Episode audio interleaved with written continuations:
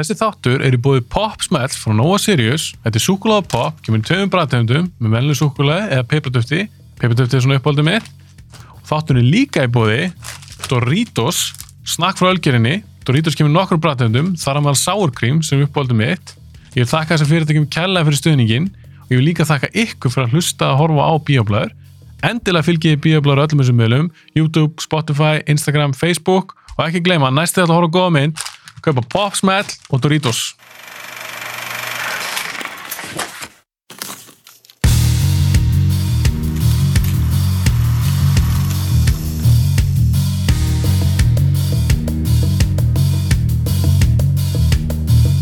Mér ákveða þess að spyrja, þú ert ekki bara leikona, Nei. þú ert líka að vinna hjá, hvað kallast þetta á íslensku? Þessi casting stofa eða... Já, uh, sko, þetta kallast eiginlega ekki neitt á íslensku. Þetta er eiginlega... Er það ekki? En, nei, eða þú veist, maður getur kannski talað um leikara val Mhm. eða leikara leit. Mm. Veist, ég hef notað þessi tvö orð en ég veit ekki hvort að aðri notið þessi orð. Ég ætla bara svona alveg að taka það skýrt fram. Ég hef notað þessi tvö orð til þess Mhm. að lýsa því hvað ég geri fyrir fólki, sko. Mm, þess, einu sinni þegar ég sagðist vera að kasta Mhm. Að þá var ég hraparlega miskilnin af horfða mig bara, ha? Bókstala af, af kast ykkur. Já, nei, hann held ég var sko að kasta út dópi. Uh, Dópi? já, þú veist, það bara, það kallast just að kasta og maður er eitthvað svona, já, þú veist. já, já. Þannig að hann miskildi mig alveg hrapalega, hann hvað er Ah. að gera núna og ég eitthvað, ég er að kasta og hann alveg, ha? Hvað?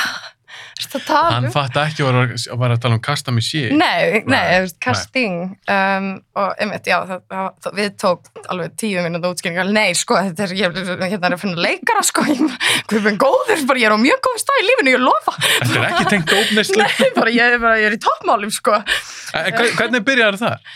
um, Ég var, uh, sérst, Vigfús, vinn minn sem á Doorway casting Mhm. uh, hann hefur samband við mig já, eftir að ég hafði svona slesast inni eiginlega að kasta eitt verkefni þá var Ok. ég hérna þá var ég bæði var ég sérst PA á setti í hérna venilegu fólki Hvað er PA? það er svona bara neðsta típan í fæðikæðinni bara svona sem að hleypur á næri kaffi og, og Er svona allt annað sem personal vantar. assistant eða? Já, production assistant er hann að kalla það Það er svona já, með personal assistant. Já, það má ekki segja það, það er ekki. Nú, ok. Það er production assistant. A production assistant. Þetta er, já, þetta er bara mjög mikilvæga típur. Þetta er bara svona típunar sem skjótast út um allt og ná í allt, skilur við. Græði um, kaffi líka. og. Já, Já, já, já. bara svona, þú ert svolítið bara svona, hérna, allra handa til, skilur Já, svona til taks. Já, Ok, og, og hérna, bara, já, bara mjög mikilvægur liður í, í Mhm. hérna, kveikmyndagerð. Já. Ég var sér satt, að því já, ég, ég tók, hérna, einhverja ákvörðunum að- að að byrja, sérst, hætta bara að vinna í einhverju öðru heldur en kvikmyndagerð Mhm. fekk þessa vinnu þarna og var PA og það var ógslag gaman og svo slýsaðist ég inn í einhvern daginn að retta aukaleikurum Já. bara aukaleikar að þurft að retta því og, og ég bara einhvern veginn að retta því og þá kom framlýslan til mín og, bað mér um að klára seríuna, þú veist, vera græja aukaleikarinn út af restina seríunni Mm. og ég bara var voglum það og gerði það Já. og gekk bara rosa vel, þú veist, þetta bara einhvern veginn lág vel við, þú veist, ég verið eh, sem, þú veist, mikið út um allt í leiklist að ég þekki mjög mikið af áhuga leikurum og, og ungum leikurum og fólki út um allt, skilur Mhm. um, og ekki leikurum, bara svona kom við að við þannig að þetta bara svona ável við mig um, Og þér finnst það skemmtilegt? og minnst það mjög skemmtilegt, Mhm. mikil svona people person sko, Ok. og hérna bara hef gaman að þessu sko og, og eftir venjulegt fólk Mm. að þá fæ ég sérst símtal uh, bara búin að vera í nokkra vikur eitthvað, fuck, hvað var ég að gera að hætta að vinna um, og fæ, já, fæ sérst símtal frá Ingimar sem var hérna framleiðandi uh, þarna og þá er hann komin og er að fara að framleiða seríu sem heitir Burðardís fyrir stöð 2 uh, Var það ekki? Hei, nei, það, Það- voru leikin atriði inn á milli. leikin heimildaserja Alveg rétt. og hann er sérst að framlega þessi serju uh, upp í skot Mm að mér minnir, já og hérna ringir í mig og segir tala maður að það ekki vinnu? Ég segi, jú. Og hann segir, ok, ég er með hérna, ég er með tvö, tvent fyrir þig. Og býðið mér að fund. Og þá eru þess að bjóða mér að leika eitt af svona stærri hlutverkunum í þessum leiknu atriðum af þessari serju mm og að síðan taka bara restina af casting uh, bara fyrir alla seríuna. Já. bara alla leikara og aukaleikara og allt nema þannig máttu náttúrulega að þetta er svona heimildaseri þá máttu ekki vera neinir leikarar þú veist það þurfti alltaf að vera góðir áhugaleikarar eða eitthvað svo típur sem var ekki Þetta þekktar geta ekki verið Ingvar eða Sigursson eða eitthvað. Akkurat. Ok. um, þannig að, að hérna, þau sögðu, bara, bara þú var svo flott að það með og, og, og það var bara og hérna eh, ég komst reyndar að því setna sko að Danni leikstjóri af byrjadýrum vissi það ekki að ég hafði aldrei kastað serju áður sko uh, Ég held hann að þú er bara þölvun? Já, ég held það sko, Ingima allavega vanar heldur en ég var. Ah. og Ingima bara trúði á mig og seldi mig greinlega bara vel. Ekki og, og þau segðu bara, Vilji, viltu þetta? Og ég sagði bara já, amen, sko. Og, og svo kom ég heim bara og hvað er ég að gera? og, og ég, ég bjóð til einhverja auglýsingu og, og, og sagði ég er að fara að kasta bara og blastaði út um allt, bara sendiði mér upplýsingarnir ykkar og svo eitt í mörgum dögum sem ég sko fekk aldrei borga fyrir en það var alltaf, það var bara ég að undirbúa mig fyrir vinnuna Ah. ég bjóð til Excel-skjál með, þú veist 400 eða 500 manns sem sendu mér þar sem ég á með upplýsingarna þeirra bara aldurinn þeirra, þú veist, kyn og eitthvað og mamma mín hjálpaði mér með þetta Excel-skjál þannig ég gætt leitað í því og þú veist, ég gætt mér vantar konur á aldrinum bla bla Já, bla bla þá kannski varstu með- með 50 þannig Já, og svo var ég með lista reynslu við hliðina og bara, ok, þessi getur leikið, þessi getur leikið, þessi aukalegari, þessi aukalegari, digg, digg, digg. Mm. Og ég var bara með þetta Excel-skjál og ég kastaði þessa seríu líku við út úr þessu Excel-skjali. En hvað er þetta margir leikar? eins og mannstu það? Bara Mm. heildin. Fyrir þess að serju, Um, er þetta 20 hlutverk eða er þetta 10 eða... þetta var, sko, ekki, með öllum aukaleikurum, nei, ég man það ekki, en kannski svona, já, Þú- 20 til 30 svona hlutverk og aukahlutverk. Þegar þú sér auka hlutverk, ertu þá að tala um leikara sem er ekki með línur? Mm, Eða... Nei, svona eh, það eru svona, það eru svona svona- líkil hlutverk og svo eru auka hlutverk og svo eru auka leikarar skilur við, Uh, ok, eða skilur. svona önnur hlutverk sem er kannski, þú veist, það er alveg mikilvægt hlutverk Mhm. en er ekki það sem ég myndi segja líkil hlutverks í, þú veist, Ok, og svo er einmitt þriðji flokkun er kannski svona uh, sem standa bara og kannski eru kannski sena á veitingastað og kannski sitja í bakgrunum já, það eru bara svona extras Svo- eða já, svona ex- já, bakgrunnsleikarar Einmitt. með því hef ég ekki tölu á, bara alls ekki tölu á því hvað- já, það var svo alveg slatti sko. En, en hérna, þú veist, ég getur ekki að finna það í Excel skjálfum sko. En að því að þú ert að sjá um þetta já, þú ert með þetta access-skjál, þú ert að finna fólk þarf þú að ringja í alla bara bókst hver einustu mannesku hvernig virkar þetta? um, já, þú veist, þarna þegar ég var að finna þetta, var náttúrulega mjög primitív uh, hvernig ég vann þessa seríu með að við, hvernig ég er að vinna í dag Já, ég er spenntur að heyra mun hjá Doorway sko. Já. Um, þarna, já, þarna var ég bara svolítið að leika þetta fingur fram sko. ég Mm. bara uh, ég þurfti þess að finna, ég var svona að finna fólk sem kannski leit út eins og típurnar sem að fjallum eða Mhm. eitthvað svona, það voru ákveðna kröfur sem ég þurfti að mæta um, og, og þú veist kannski að finna börn og finna eh, konu sem getur verið mamma hennar og bara, þú veist, þetta er svona endalist púslispil sko. Já, Þannig að ég veginn byrjaði bara að fara niður listan og skoða myndir og pikka út bara svona típur sem að mér fannst make a sense uh, og hó- hóa í pröfur fyrir sumt sem ég vant að halda pröfur fyrir. voru þau þá, þessi leikara, voru þeir þá að prófa fyrir fram að þig, eða sérst að Já, bara, áhært að pröfa bara fyrir þig eða? já.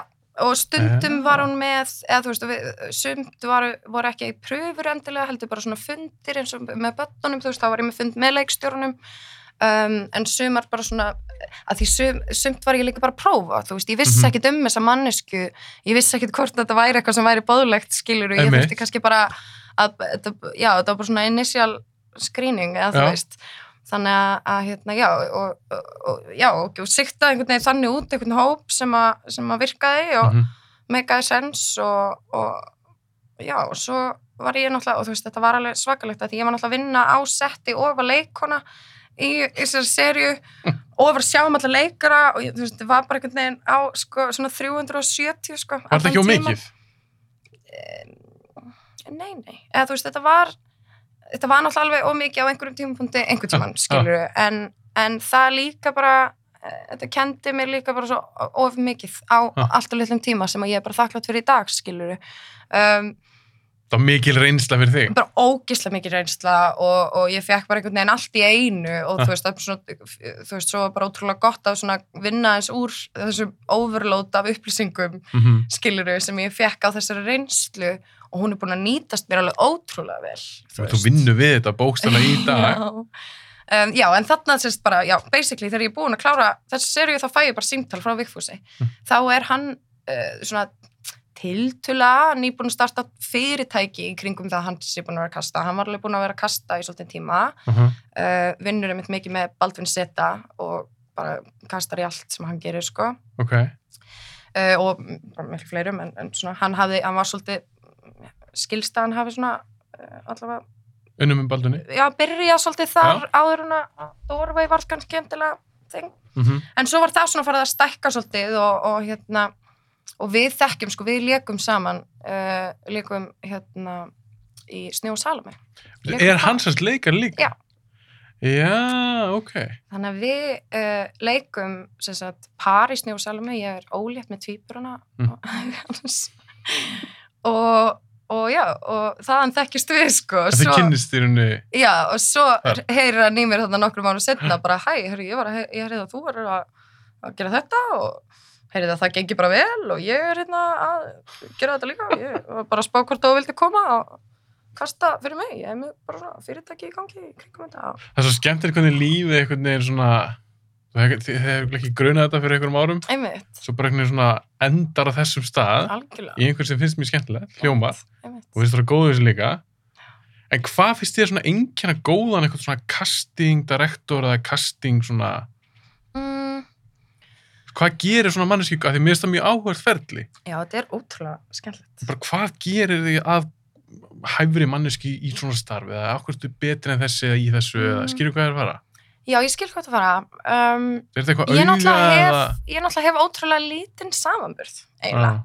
það er ekkit, ekkit margir sem að eru í þessum bransa á Íslandi og ég held að Doorway sé eina í rauninni svona, svona mjög leikara miðað og, og kvikmynda miðaða castingfyrirtæki eða fyrirtæki, er það eina sem er svona kvikmynda miðað á Íslandi. uh, á Íslandi þó við gerum veist, kostum í allt annað líka skilur en þá Mhm. hérna, erum við aðalega í leiknu efni um, og, og það er ekkit rosa mikið að miða við nema kannski svona erlendis og mér finnst ofta ekki sambarilegt skilur Er það miklu starra? Já, þú veist, við erum bara ekki alveg í sama bransa hér og er í gangi, þú veist, í Hollywood eða eitthvað, þú veist, Nei. maður getur kannski verið að miða sig við Skandinavi en það er samt einhvern veginn svo stór stærra. stærðagráðan á milli, þú veist að það er rosa erfitt Mhm.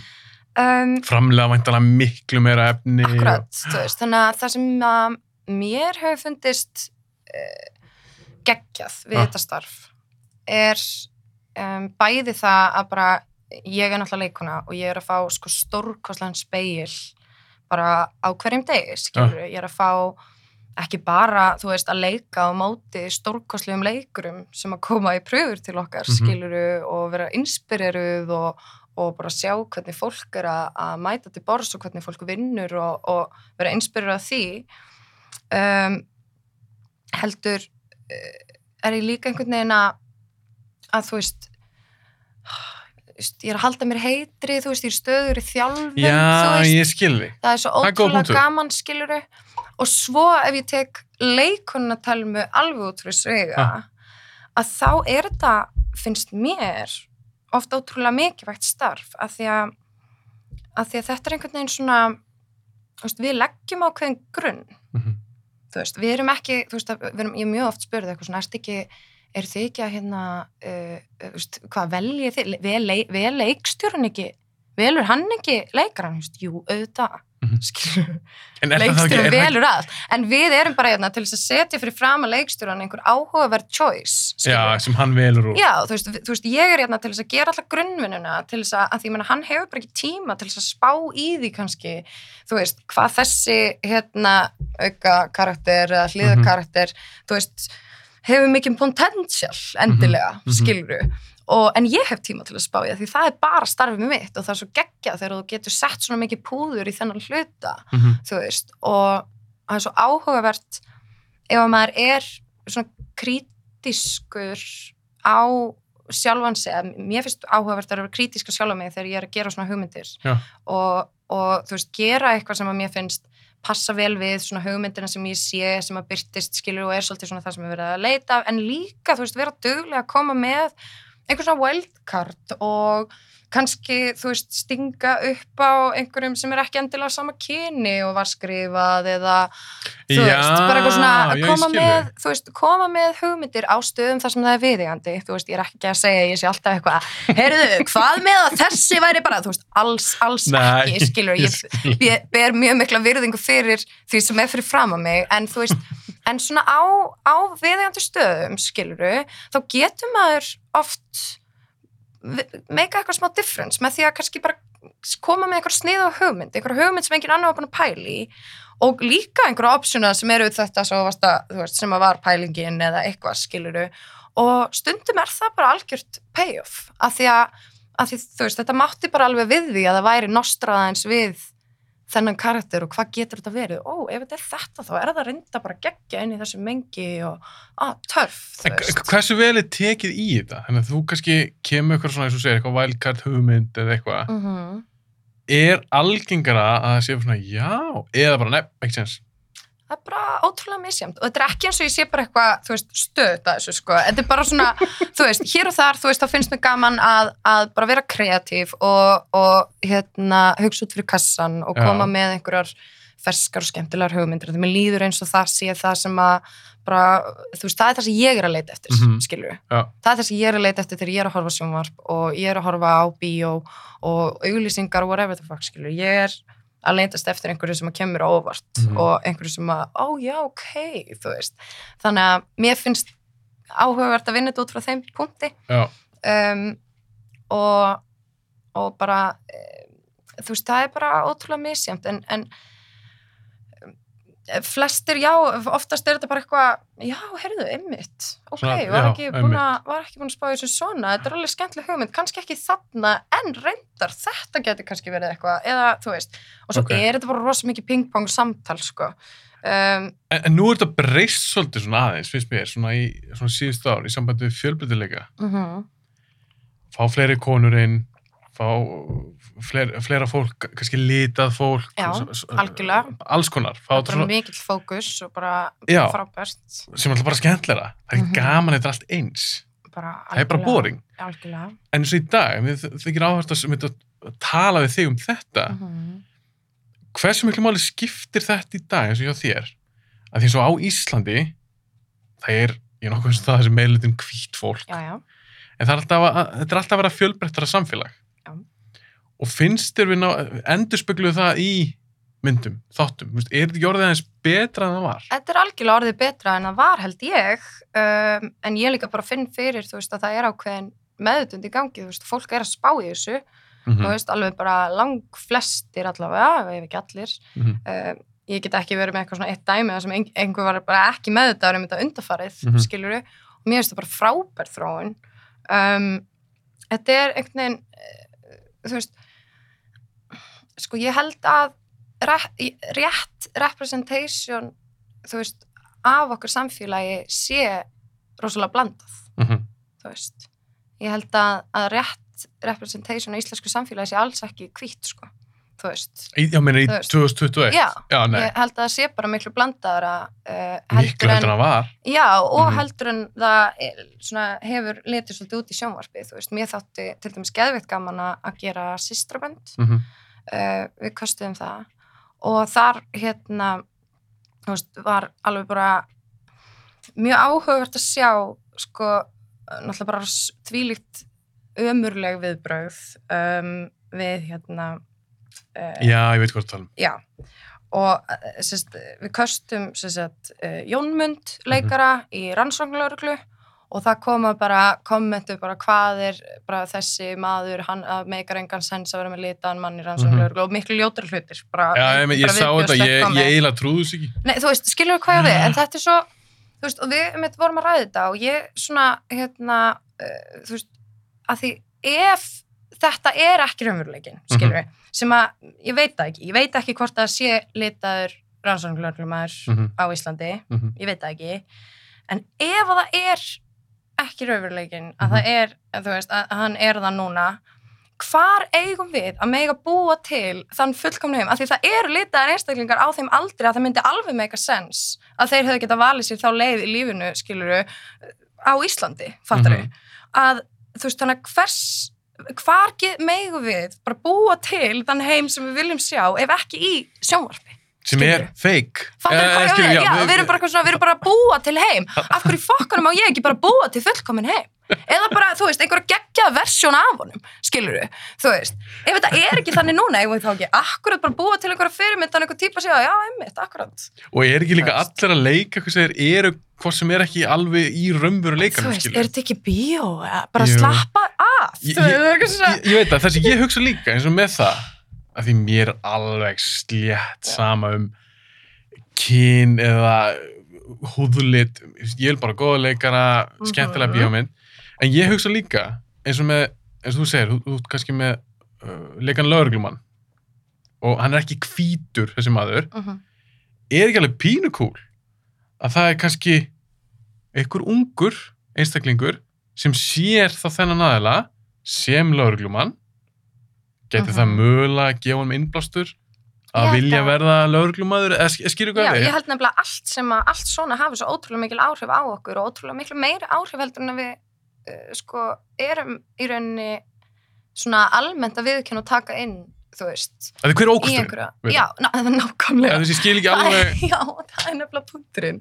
Það er bara svo hvað, hvern meiðuru, skilur við, það engan. Þannig að þetta er svo ótrúlega skrítin hlutin til þess að æsa sig yfir, finnst mér. Og, og, og, einmitt, en þú veist, sem betur fer, finnst mér þetta vera, hérna, minni hluta Já, viðbröð. sem eru nú, sem, Bara svona sem- sem- hávær. þessi neikvæðu, já, Já. Ég, ég hugsa það líka þú veist, ég held það alveg öruglega þú Ég vona það. já, alveg 100% en, en þú veist, þetta var mér finnst þetta samt svolítið áhugavert að, að þú veist að því ég, að ég veit það ekki. Ég, ég fór ekki þangað fyrir en að ég sá þetta komment, veist, ég bara í hausnum á mér, veist, var ég ekki búin að fara þangað, þetta myndi valda einhverjum einhverjum, einhverju svona- hatri hjá já, okkur einhverjum einhverjum svona uppnámi. Já, já, uppnámi. Ég trúði, að veist, í því ferli að, við, að, veist, að, þetta var eitthvað svona ákveð þegar þú sá ég aldrei fyrir mér að einhver myndi vera í uppnámi raunverulegu, en, en það er einmitt svolítið kannski ástæðan fyrir því að þetta er rosa gott að, að þessi ákveðum var tekin, skilju gott að leifa þessum bara liði að þreita aðeins. Ég, ég bara trúi, ég sá þetta á Instagram og það var nokkur sem að ég er að fylgja svona vinni mínu á Instagram, þeir repostuðu þessu og Mhm. voru að sína svona bara hvað er í gangi. Og ég las kommenta, það var einhver, þetta var alveg einhver eitt kall sem ég las hann einhver komment og ég bara þú veist, ég held að þetta væri fake einmitt, og ég bara vá hvað þið lítur að líða illa maður. Já Ha? Þetta er fárlega, Já. en ég lærði það bara að skrifa handrit Ah. fyrir nokkrum árum og eitt af því sem maður, maður er kent strax e, og er mjög mikilvægt Mm. ef þú skrifar henn ekki í handritið eins og húðulit Mm, eðlilega fyrst mér, ég, sem ég skrifa löggumynd Já. og ef ég skrifa þessi hvít lögga Einmitt. þá er þetta eins og Voston ekki að fara að leika þannig að mín spurning til þín að þú ert casting, að vinnur í casting Mhm. þegar þú sér handrit er það ekki rétt skilja mig, ég vona það. Mhm. það er alveg opið, þegar þú veist, þú segir þú kemur sér með eitthvað valkart. Já, þegar ég skrifa kall, þú ert breytið konu eða eitthvað. Já.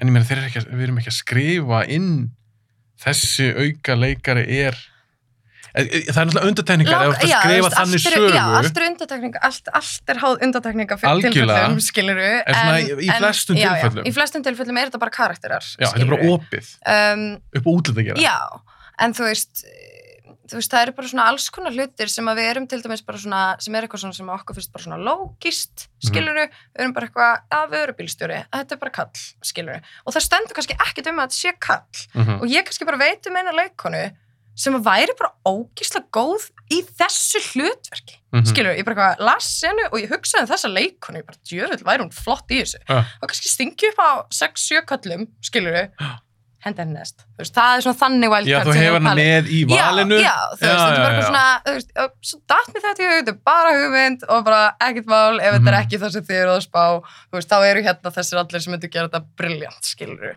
um, en þetta er, þú veist ég held að það sé bara svona ákveðin ábyrð þegar maður er að búa til afþreyingarefni, þú veist, mér finnst þetta að vera, mér finnst bara, já, ákveðin ábyrð sem fylgir þessu og mér finnst Mhm. bara allt í lægi að maður sé að pæla í hlutunum, skilur það þarf kannski ekkit alltaf að taka allar ákvarðanir út frá einhverju svona það, því sem er nákvæmlega að gerast akkurat núna og vera, þú veist, eh, þú veist. En, en mér finnst allt í lægi að sé bara, þú veist, að sé samtalin gangi og hlutur sé velt upp og, og það er líka bara einhvern veginn holdt, þú veist, í kreatífri vinnu að, hérna, þú veist, vera döglegur að bara svona aðeins að eh, banka í kassan sinn skilur og passa að sé allt að víbra, ef þetta Ah, meika sens Já, ég, ég held ég að skilja þig. en þegar þú færð eitthvað verkefni, Já. sagði þáttur að bíómyndið eitthvað, og þú færðu alltaf handið þig, vandalega. Já, já, misjæmt skilur, ég er svona misjæmt á hvaða stíi ég ekki minn skilur, við Ah. fór svona alltaf uh, á fyrirtæki og, og er, þú veist, hérna svona tekur á móti flestu Ah.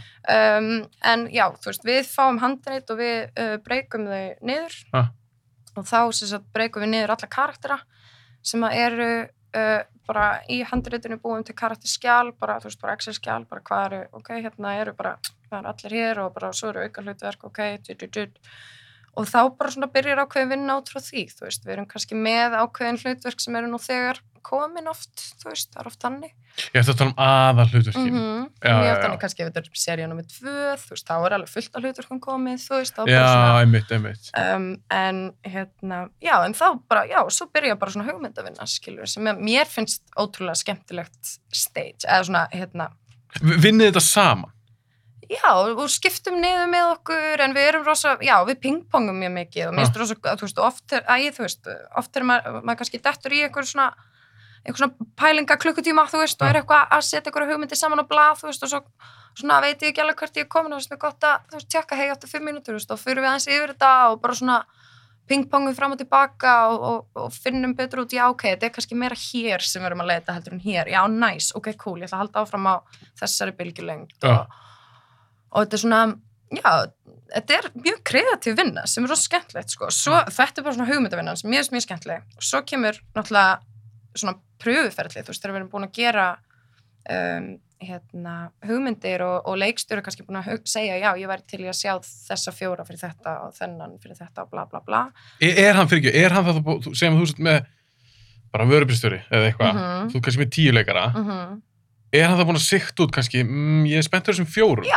hittum þá. Já, algjörlega, Mm. það gerist mjög oft það er Mhm. mjög oft ferlið, veist, alls ekkert algilt en, en það er mjög oft einhvers konar Ja. svoleiðis leiðaði Mhm. og, og þú veist, það er algjörlega já, þannig að við fáum þá, þú veist, þá höfum við sambandið þessu fjóru típur erum eitthvað, hei cool, hérna er sena endur lundbúði, bla bla bla, heitst á miðvikudaginn og þá gerum við pröfur sem að er, veist, annað, bara, annað mjög skemmtlegur partur af vinnunni, að mér finnst það og, og, og hérna bara gaman, þú veist, að við erum að leika á móti fólki og erum alltaf bæði leikara en við höfum svolítið gaman að þessu og gerum uh, höfum, setjum svolítið púður í pröfunar, sko En ef þetta er hlutverk þar sem er, þú ert ekki með línur, sérst, eða sem kemur til greina er ekki með línur, komu þeir samt í pröfur? Um, nei, það þurfti að vera mjög sérstakt Já. hlutverk. Það, Það- þurfti eiginlega að vera eitthvað stórt hlutverk sem væri bara eða eitthvað held ég til þess að það myndi skil gerast þig, sko. En það, já, það er mjög já, já, þetta er oftast eitthvað sem er með eitthvað línur, Já, já, Já. yfirleitt sko. Og, og, kannski eðlilega. Já, ég held það sko. Mhm. það, þetta er, þetta er al- alveg dýrt ferli skilur, þetta er marg, margir einstaklingar sem að þurfa að koma að þessu og, og Koma þeir það bara skrifstofn til ykkar, eða? Já, við erum með bara svona pröfurými sem er bara herbyggi sem er bara designated fyrir pröfur. Við erum bara, bara mála vegginn svona svartan fyrir bakgrunn og erum með bara ljós og kameru og... Og ok, þið, þið takið þau upp þessu pröfu Mm og hvað er það næsta skref? Segjum, sendi, er leiksturinn með þarna eða? Það er misjæmt, sko. Stundum, stundum ekki. Já. Ef hann er ekki með, sendið þá, sem þessi fjóri sem þið voru að prófa, Mm sendið þá teipið að þeim öllum til hans eða, eða hennar.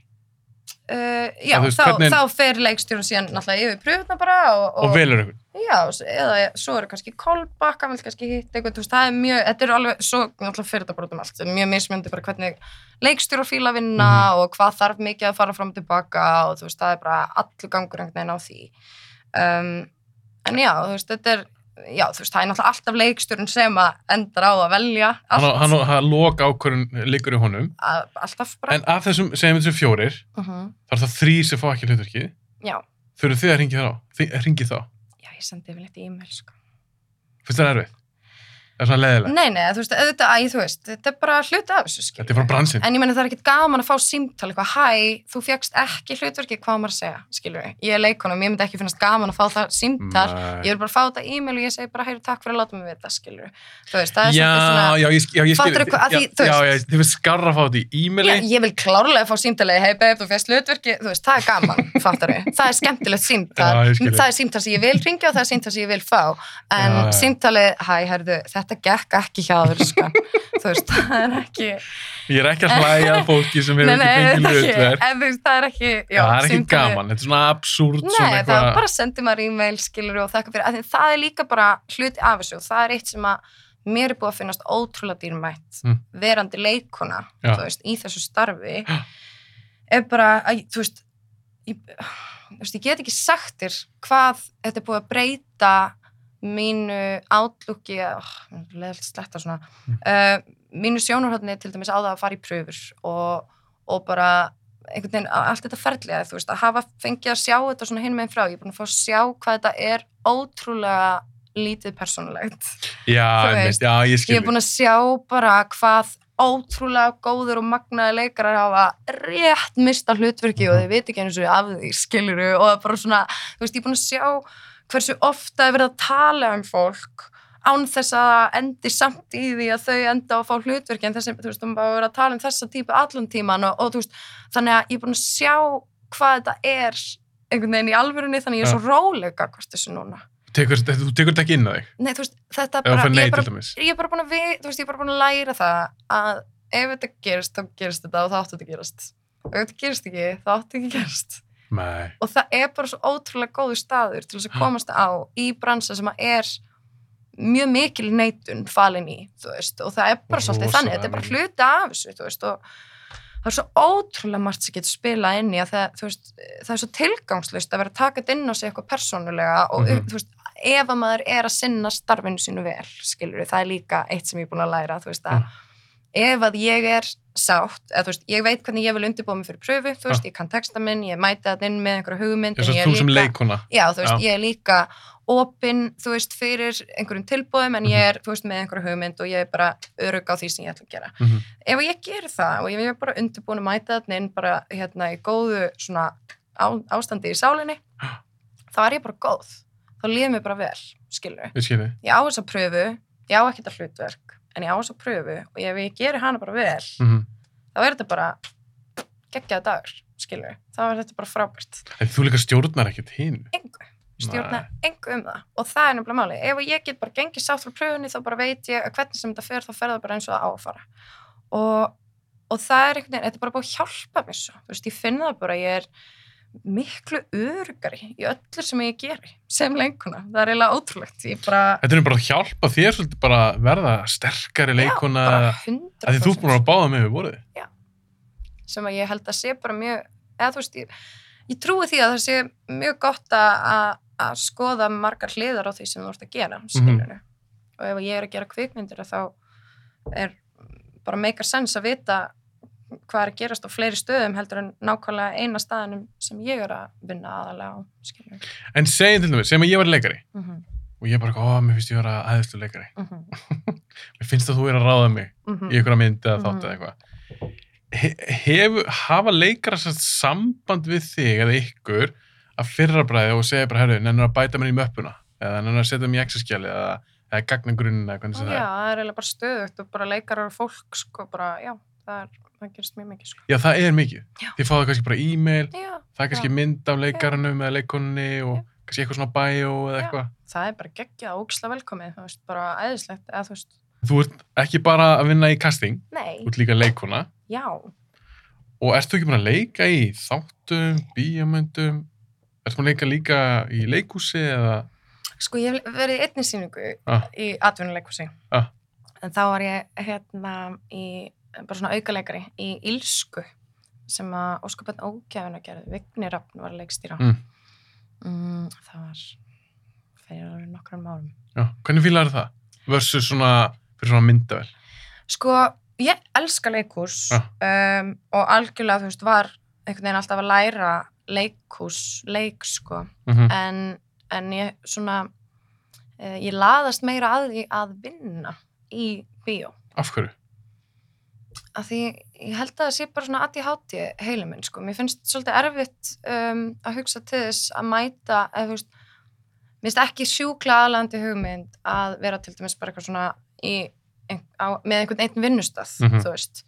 Ég, ég skil af hverju fólki finnst það aðlandi, Já. en mér finnst það bara ekki, eða þú veist, aðlandi. Mér langar að, mér er svo spennandi að, að hérna, þú veist, við bíó að, að ég er alltaf einhvern veginn á nýjum stað að gera eitthvað nýtt Já, ég skilji. þú veist, að ég bara, ég er með svona stöðugt hérna um, stöðugt áriði bara af einhverju nýju Þú þess ekki alltaf á sama sviðinu, Nei, þú veist, já, og Já. veist, þetta er bara svona að ég veit það ekki, þetta, mér finnst eitthvað þú veist, þetta hefur veist, að vinna í bíó hefur gefið mér sko magnaðar upplefanir, mm Mhm. skiluru Mhm. og ég fór í fyrst skipti upp á Jökul af því að ég hérna, var PA þá fyrir hérna, Hollywoodmynd, skiluru sem er þetta styrla, sko, ég enda að vera hérna, Getur þú sagt alveg hvað mynd það var? eða? já, hún er að koma út núna, hún heitir hérna The Tomorrow War með Chris Með Pratt Chris Pratt? Já, Já. það var ótrúlega gaman, sko En þú mæntalega máttu kannski ekki tala um það, eða eitthvað. Jú, jú, það, ég held það, sko En þú kannski allavega að tala um bara þína reynslu Já. og, hvað svo gaman þetta var og svona. Sko ég, já, þetta var er nefnilega svolítið skemmtilega að sagða. Mhm. Ég hérna, uh, var sérst að vinna hana, við, var að vinna hjá Doorway en bara svona sem verktaki. Og fæ síðan símtal og ég spurði hvort ég hérna, hafi áhuga að koma og vera svona PA Já. uh, á setti á vatnajökli. Og ég hef aldrei farið upp á jökul á æfinu og ég eitthvað, já, veist, þetta er alveg ástæðan fyrir elskanabransan, skiljur Mm Þetta er svona auka bónus. Já, þetta er bara geðvikt, ég, eitthvað, já, ég hef aldrei farið upp á jökul frábært, bara ég sjúklega til það. Já. Og hérna, og ég bara segi já við þessu verkefni og bara aðeinslegt. Og svo, hérna, fer ég og ég man fyrsta daginn að segja því svona við mig að ég var alveg svona nýjasti PA en hafði aldrei tekið verkefni þarna áður, þau voru Mhm. nýbúin að klára flest að þjónusta þarna George Clooney myndina sem var nýbúin að vera þarna Já, sem að var var Netflix myndina. Já, þannig að það Já, voru allir búin að vera þarna sko, þú veist, tveim vikum áður höfðu allir verið þarna og svo voru allir að koma aftur, fattur þú veist, það var bara svona, þau voru bara svona family returning og ég var Mhm. svona odd one out, eða svona pínu, ný að mæta. En þeim finnst það kannski ekki spennandi að þeirra. Nei, ég var náttúrulega bara, oh my god, hvað ég, vá, hvað þetta er gaman, ég er að koma þetta upp á jökul, bara geðveikt og ég haf aldrei verið á svona stóru kvikmyndasetti, skilur, þetta var mjög alveg intimidating og ég vissi ekkert, sko, ég átti að vera að sjá einhverja, það var að setja, hérna, einhverja talstöðakassa í samband og ég bara, ha, og þú veist, það er eitthvað geðveikt system allir kassarnir eru nummeraðir og ég stóð eins og hausins hæna, sko. Er það stressandi? Bara- þú veist, já, þegar allir vita hvað þeir eru að gera og það er einhvern veginn allast til þess að þú viti hvað þú átt að gera, veist, það er bara tengt gott að ég er leikona, skilur, að ég er bara eitthvað, ok, já, um mitt og ég bara fylgir næsta, skilur, gera það sem hann er að gera og bara, að fake, it till you make it. já, bara story of my life, sko. Ok. Um, og svo, sem sagt, uh, segja þau svo við mig fyrsta kvöldi, ég mann til því að það var svona, já, en tel maður sko, að ég var alveg, já, ég er bara spennt að fara á jökul, ég var geðveikt, ég er bara aldrei fara á jökul, ég var æðislega, oh my god, vá, það er svo gaman að vinna í bíó. Og þau alveg, já, en tel maður sko, þú ert náttúrulega gæti alveg verið að þú verður bara svona office PA, sko. Ég alveg, ha? Þú alveg, já, þá ferði kannski aldrei upp á jökul, sko.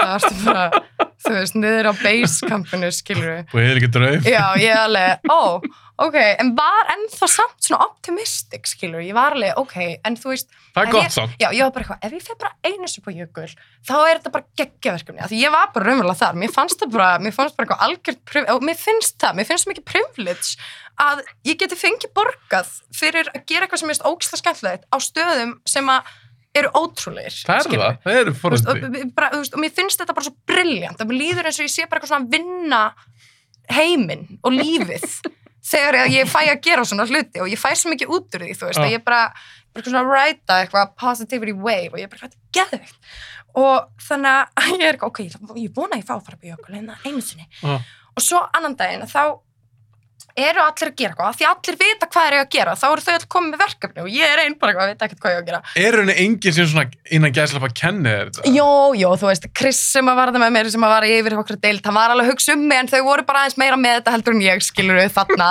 sem að endaði samt á nefnilega, Já. það kemur twist to the story, að Já. koma sér mjög vel fyrir mig sko, að því ég var þarna verkefnalaus og að koma allt í tíminu, tel maður, ert þú laus? Ég hefði, já, herðu, já, þú ert að fara hérna og ná í leikarana og þau þurfa að fara upp á jökul í snowmobile-test og þú þarfst að fylgja þeim, þú ert talstöðin þeirra ég eitthvað, já, gert mál þannig að ég bara, Fórstu það?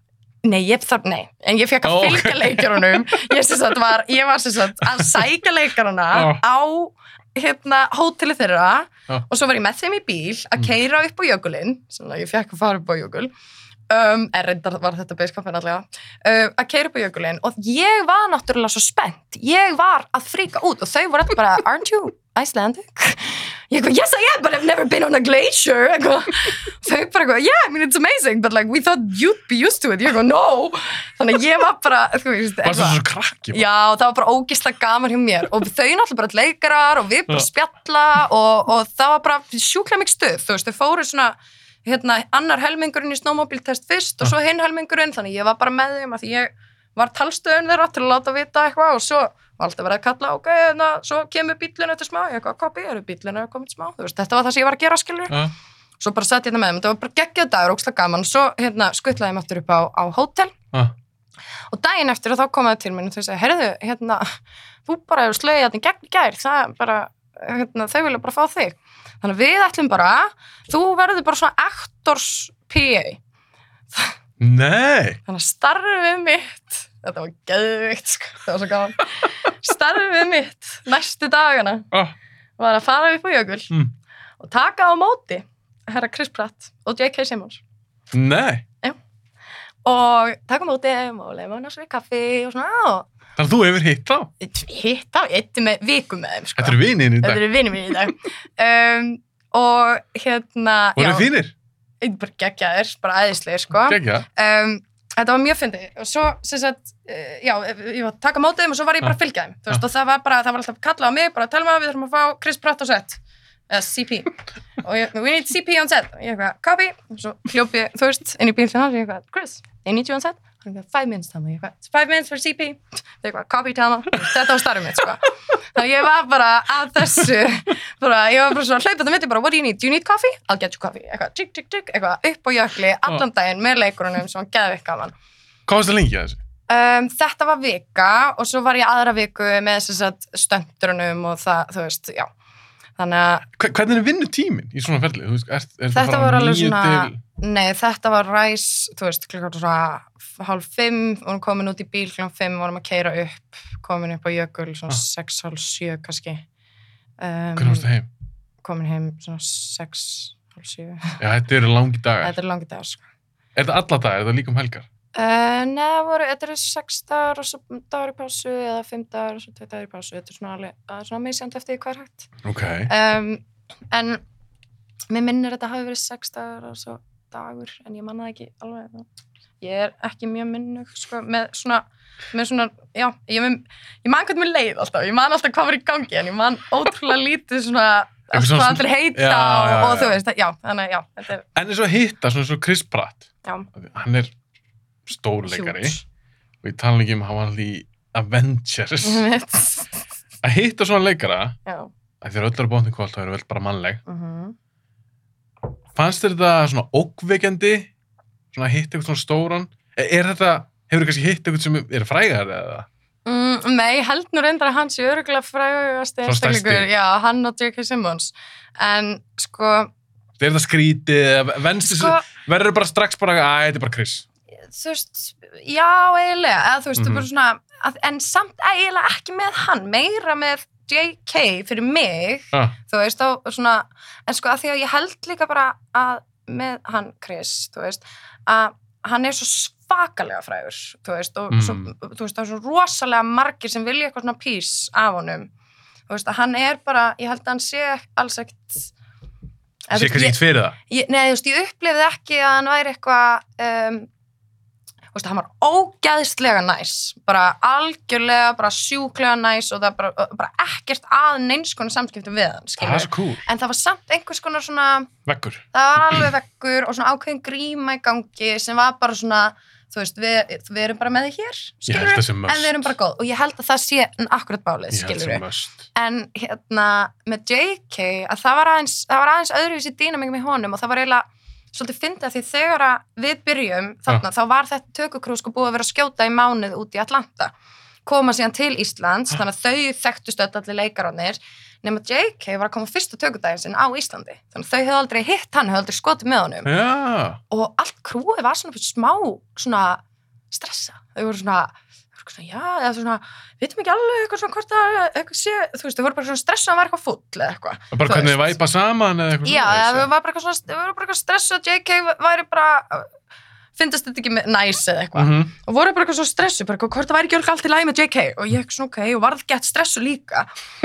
Og en svo, e, þú veist, svo var hann bara geggjaður sko, það var bara ekkert mál og, og hérna, þú veist, og ég bara svona spjallaði við hann og hann vildi bara svona tíma til að borða matur sinn og, og svo bara koma sér róleitunum og allt í góðu, skilur Fannst þér, fannst þér þar verið eins og segir, var það kannski svona minni veggur eða svona meira casual veginn eða Já, allavega, þú veist, að- að- að- gangvart þér? gagvart mér eftir smá tíma sko, þú Mhm. veist að ég var náttúrulega búin að vera að ferðast þarna með þeim hérna, upp og niður, þú veist, af þessu fjalli í viku Mhm. og á næst síðasta deginu minni mig að þá var sem sagt hérna, við fengum alltaf bara svona hérna, matabakka, þú veist Ja. og vas, vassflaska mín var inn í hérna, uh, bílnum hjá þeim Ja. Ég eitthvað svona oh. og hann var sérst, JK var búin að vera þar einn inn í fjóra tíma, býða eftir sinni senu og meðan að Chris var búin að vera út að skjóta. Þannig að ég eitthvað svona kemur inn í bíl og ég eitthvað, herri, sorry, ég ætla bara, hérna, just gonna get my water bottle, eitthvað. Og svona hleyp inn og ná í hann og ætlaði bara svona skilja hann eftir. Og þú sé ég þegar hann fara út og hann svona taka dótið úr sætinu á móti sér. Og ég svona, og hann segir what, are you not gonna sit down and eat? Og ég ég, well, yes uh, if you're offering sure, I'll sit down and eat. Þannig að ég sest niður með. J.K. Simmons bara. Þið borðuðu saman? borðum saman. Og það var ótrúlega gaman og hann spurði mig so what do you do when you're not a PA on a glacier in Iceland. Ég heyri svo mikið honum, hans. bara, honum leittist svo mikið sko, greiði manninum. Hafa Var bara eitthvað, já ég held það sko. Hann var bara eitthvað vantaði bara eitthvað að tala við hann og spurði mig hvað ég gerði, ég eitthvað, I'm an actress. og hann alveg, oh you're an actress. Oh, oh. so do you know IMDb ég eitthvað, yes I know IMDb Það ekki ekki allir í NDB. ég, ég veit ekki, hann, hann greinlega vissi ekki hvort Íslandika vissi hvort það, hvað það veri ég eitthvað, yes, I know IMDb hann eitthvað, are you on there? og ég var sko, það voru svona þrjára hálf vika eitthvað síðan ég setti mynda mér á IMDb sko. Og ég eitthvað, yes. Og hann bara þetta er Googlaði þetta það? er svona moment í lífinu mínu Jackie Simmons tekur við síma sig let me get off airplane mode here for a second. I'm look you up. So it's Telma og hann bara leitar að mér. Af hverju? IMDb af því að hann langaði að sjá hvað ég hef gert og Já, því ég meina hann mér að vera leikuna Já, já, þannig að hann var bara eitthvað, veistu hvað IMDb er? ég eitthvað, já. Veistu, ert þú þar? ég eitthvað, já. Og hann bara, ok, cool. Og bara leitar að mér á IMDb ég, sko, ég mun aldrei glemja sem moment ég fannst ég að gráta En hann er líka svona eldri maður. Já. Hann er ekki sem, veistu hvað E ENDB er? Nei, en hann var geggjaður, skilur, og ég átti frábært bara svona samtal við hann og hann var Já. að tann konuna sína sem að, hérna, einmitt, er kvikmyndigjara kona og bara leikona líka og ógisla flott og þau kynntust í leikusinu og eitthvað og ógisla gaman. Þannig að það var bara svona stórt moment í mínu lífi að því ég sko misti nefnilega af uh, bergmál sem ég var bæðið að kasta í og leika í, Já. var frumsýnd þennan dag. Og ég nefnilega misti af frumsýninguna því ég var þannig på jökli, Þannig að þú veist J.K. Simmons í staðin. sem að það alltaf. Ég veit það frábær leikari. En gaman að heyra þetta þegar það verður bara mjög næs. Mér finnst- Já, bara að heyra það sko. með eitthvað svona Hollywood leikara. Já, það voru bara allir þarna, bara geggjaður, Já, sko. þetta er bara almennt fólk. Já. En þá verð ég að spyrja þig, eins og bara Chris Pratt Mhm. og þessi stóru leikar, alveg bara, bara mjög frægir. Myndir þú lögða svona fræg? Nei. Akkur ekki? Ég bara held að það sé ógislega erfitt. Akkur er þetta erfið? Um, ég held að það sé bara ótrúlega mikið áriti.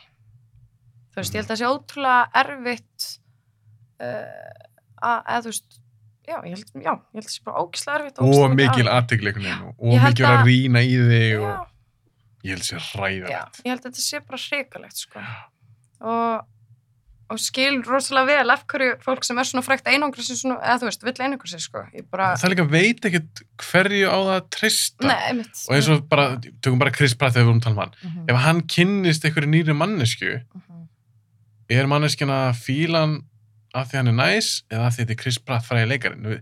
Þetta er allt svona eitthvað, mér þetta þetta mjög óþægilegt. Já, ég, mér líka sko. Ég bara, og ég skilja mitt mjög vel eins og þú veist, þegar ég horfi á, á eða þú veist, ég manna þegar ég var að eiga samskipt við Chris og ég upplifði, þú veist, alveg þetta svona, Aha. þú veist, svona smá vegg, alls ekki að þetta hafi verið neitt eitthvað neikvætt, skilur við, bara svona maður upplifið smá svona alveg. Já, það var eðlilega. Já, og ég bara emmitt, og ég mani, ég hugsaði bara eitthvað, guð mig góður, bara hvað ég skilði það að vera þarna. Ég Já. væri það öruglega líka, ég væri öruglega ekki svona næs. Skilur við hvað ég á við? Ég myndi öruglega ekki eigða í það, þú veist, það er kannski alltaf lámars, lámars kurtis Já, eftir hamanni, já, en ég hugsa maður væri alltaf með eitthvað svona veg. Þú veist líka aldrei, er þessi aðalega kannski að reyna að koma að höggja á mig, eða, einmitt, en skil, maður, maður veit ekkert. Maður veit ekki neitt. Ég held að þetta er sé hæðilegt. Fólk er svo klikkað, ég held að það sé bara ógslag skeri að fylgta klikkað við fólki viti bara ógslag það vart. Já. Þú veist. Og líka svo maður að heyra sögur af svona frægu fólki. Það er kannski okkur veit ekki það að borða með fjölskyldun sinni. Mhm. Þá kemur okkur asni upp að manneskinni, hei, hei, má ég taka mynd, má ég taka mynd, má ég... Ég er hann að borða það með fjölskyldun minni. Ég myndi Mhm. aldrei meika þetta. Þetta er líka sko, nú hef ég bara fengið bara svona, sko, miniatúr dós Mhm. af því bara eitthvað svona að einhver þekkir á mér andlitið svona, og það gerist alltaf bara eitthvað svona, ég ger eitthvað og kemur eitthvað svona nokkra vikur í kringum Já, það, það sem já. eitthvað svona, er þú ekki að það þessi, eitthvað, og, og eins og það er ótrúlega flattering, Mhm. veist, og gaman, það er geðveikt gaman að einhver viti hvað maður var að gera, skilur, sérstaklega, Já. sérstaklega ef að það veitti þeim einhver ánægu og maður er bara eitthvað, vá, æðislegt, skilur Það er það er svo gaman, um, en á sama tíma það er svo, svo áhugavert að út af því að maður er svona að gera eitthvað og sérstaklega þú veist eins og, eins og nú, nú er ég leikona þú veist og þá er, þá er ég bókstaflega inn í einhverju verki skiluru Mm -hmm. Og fyndið svona, þú veist, það hefur gerst Já. að fólk eh, sko hefur upplifað eins og eh, eigi eitthvað svona, svona tilkall til þess að segja mér eitthvað skiluru Hvað er með dæmi? Er já, þú veist þetta talað um í sambandi við verki svo í? Já, eða bara eitthvað svona hvernig ég ætti að haga, þú veist, mínum leiklistaferli. Eitthvað svona, herri, það verður best fyrir þig næst að gera svona. Já, eitthvað svona passaði þig að leika ekki í auglýsingum þannig að maður, skemmta. missi ekki virðinguna fyrir þér. Eða, já, já. Hefur þú fengið þetta Já. frá ókunnum manneski? Já, frá ókunnur mannesku sem ég hef aldrei talað við á æfinni. En skilur hvað ég á við? Þú veist, ég hef bara svona, Þetta er fárlega. ok, þannig ég á bara ekki borga reikninga eins og hinnir. Eða þú veist, Og hver er þú að segja mér hvað ég á að gera? allt bara kjátti aldrei ekki segja eitthvað næs, skilur verðum, ok, skilur við, allt í lagi, þér eins og þú þurftir að deila þessu núna, flott, Ó, þú veist, og bara eitthvað svona random, að ég veit það ekki, þú veist, þetta er, er- það er svona, Æ, þú veist, og svo er þetta sérstaklega eitthvað svona ef fólk er komið í glas, þú veist, Já, og þá kemur eitthvað svona leiðindi og það er bara eitthvað svona því að það hefur séð þig að, hei, hann að piano webcam, tútið þar, þú veist, eitthvað svona, skilur er svo, ah. maður er svona eitthvað ég veit, ok, En margkvallað þetta með miljón. það er einmitt málið og það mig hryllir við því sko, Já. af því að ég get alveg díla við eitthvað svona, skilur við, þó Mhm. að, að hérna, að því að þú veist, auðvitað fylgir þessu líka, þú veist, einhver komið upp að mann og sé eitthvað, herri, ég sá hérna, myndina sem varst að leika í og var æðislega og maður er bara eitthvað, wow, geggja, þú veist, ég, Mér finnst það cool. það er geðvikt og þú veist, þannig að maður, þú veist, maður vill ekki, eða þú veist, þetta er svo astnalegt, maður vill ekki ljóma sem að sé eitthvað vannþakláttur eða eitthvað, Nei, þú hljómar ekki tala þannig. um mig, en þú veist, maður er eitthvað svo, já, það er alveg sumir sem að, hérna, uh, kunni sér ekki mörg eða hóf. Þetta er eins og ég las ekki að viðtal við Ricky Gervais, Mm. grínleikaðan. Og hann, þú þekkir hann væntalega, Mhm. já. Og hann lendi eitthvað í því, það var eitthvað gæi, ég voru að segja rétt frá þessu, eitthvað gæi sem sagði það, að hann gerir þætti sem er Office Mm. og Extras. Já. Og gæin kemur við til hann og segir, herru, þetta var bara í einhverju bakari eða eitthvað. Herru, Extras eru geggjaðir. Og Ricky Gervais, já, takk hjá fyrir það. En Office var umulett. Svo lappaði hvernig bara. Ó, Þetta er svo eitthvað svo, okkur er þetta hend, þetta er svo, mhm. hún varst hann bara Af því- Rikki. Nei, en einmitt að því líka að ég, þú veist, í þessum aðstæðum, ég þekki þig ekki neitt, sko. Og það er ekkert sem ég get kastið baka, skilur við? Nei. Ég veit ekkert. Nei. Ég veit ekkert um þig, skilur við? Og þetta er svo, og þetta er svo fyndið, stundum er þetta svona svo, þetta er svo, eins og samtalið sé hafið þeirra megin, eða fattur af því þau, þau, Þau, þau hafa forskot, sko. Já, veist, þau vita ég, hvað ég heiti og Mhm. hvað ég var að gera og Mhm. veist, og þetta er svo fyndið, ef, einhver myndi lappa upp að þér bara út í búð og og bara eitthvað, veist, þetta er svo skrítið bara, hæ, ert þú ekki Telma? Eitthvað, jú, já, einmitt, ég sá þig í, hérna, þessu. Og ég bara, já, ég bara, ég hérna, sá þig, ég var að segja hann að ég sá þig, þú veist, og maður er svona veist, það er ekkert það er ekkert respons skilur það er ekkert, það er ekkert þetta er ekki samtal, skilur Nei. það er maður eitthvað svona, það er svo, það er svo erfitt. Það er maður eitthvað svona, einmitt, og hérna, hvað gerir þú? veist, ok, frábært, Þú, er það gaman? þú veist ekkert um ég veit ekkert um þessu manneski og þess vegna er þetta stundum svona bara vandræðilegt Það get ekki orðið, ég vil veist. það, það get ekki orðið eðlileg samskipti. Af því það er svo mikið forskót á, bara ég sá því hérna og ég veit alveg um allt um þig, veit Já, hvað heitir, já, eins og þú segir, þú veist ekkert um hérna manneskjuna. já, og stundum verður þetta bara svolítið vandræðilegt en þú veist, svo er alveg líka bara hérna, og ég er ekki að segja þetta sé eitthvað alltaf að gerast en hérna, en þú veist, það hefur komið fyrir það hafa komið upp svona vandræðin moment þess að ég er bara ekkert vita, þú veist, ég bara svona ok, og þú veist Hvað átt að segja? já, ég er bara svona, e, takk, já, akkurat, Já. jú, það, já, einmitt, já, cool. Að þi- Það, það, það er stormunum að segja, hei, ég sá já, já, versus eitthvað svona, hérna, hvað hva heitir þú hana, hvað já, þú einmitt, já. Start Já. eitthvað svona, hef ég ekki séð þig einhver staðar, ég veit ekki. Mögulega. Já, ég hef leikið einhverju, já, ég, jú, ég leik þetta er svo fárlegt. svo oft er sko líka samt svarið við þessu hjá mér. Ég vann á prikinu í fimm ár sko og fólk er alveg, já ok já ég var svolítið oft þar En er, er það sannleikur það? já, Já, ok, það er sannleikur sko en ég, getur nota það. ég hef notað það af og til eitthvað ég, hérna, ég, síðan vann ég reyndar á prikinu í nokkur ár sko, það geti verið að það sé bara það en fólk alveg, já, já, reyndar ég hérna, fór kannski svolítið oft Ég þanga veit, ég, maður, maður, maður eftir frá djamminu. já, En ef það kemur ykkur til þín, Já. með einhverja risa mynd, Mhm. segjum bara, herru, við erum að gera nýja vendismynd, og þú veist bara að þetta verður risa mynd. Já. Við ætlum að bjóða þér hérna stórt hlutverk. Myndir hugsaði tvisunum? Myndir þú bara svona, "Ah, það er ekki fyrir mig. nýja Af því þú myndir nýja Avengers. já, Þú veist, það kæmi bara ný Marvel mynd, þær eru flesta Mm, stórar, já, og þú fengir eitthvað svona svaka hlutu, myndir bara segja, "Heyrðu, þetta nei, er bara... ég myndi 100% segja já við því alltaf sko En það, þó það, að því þú myndir pottet, þú veist, springa, þú yrðir já.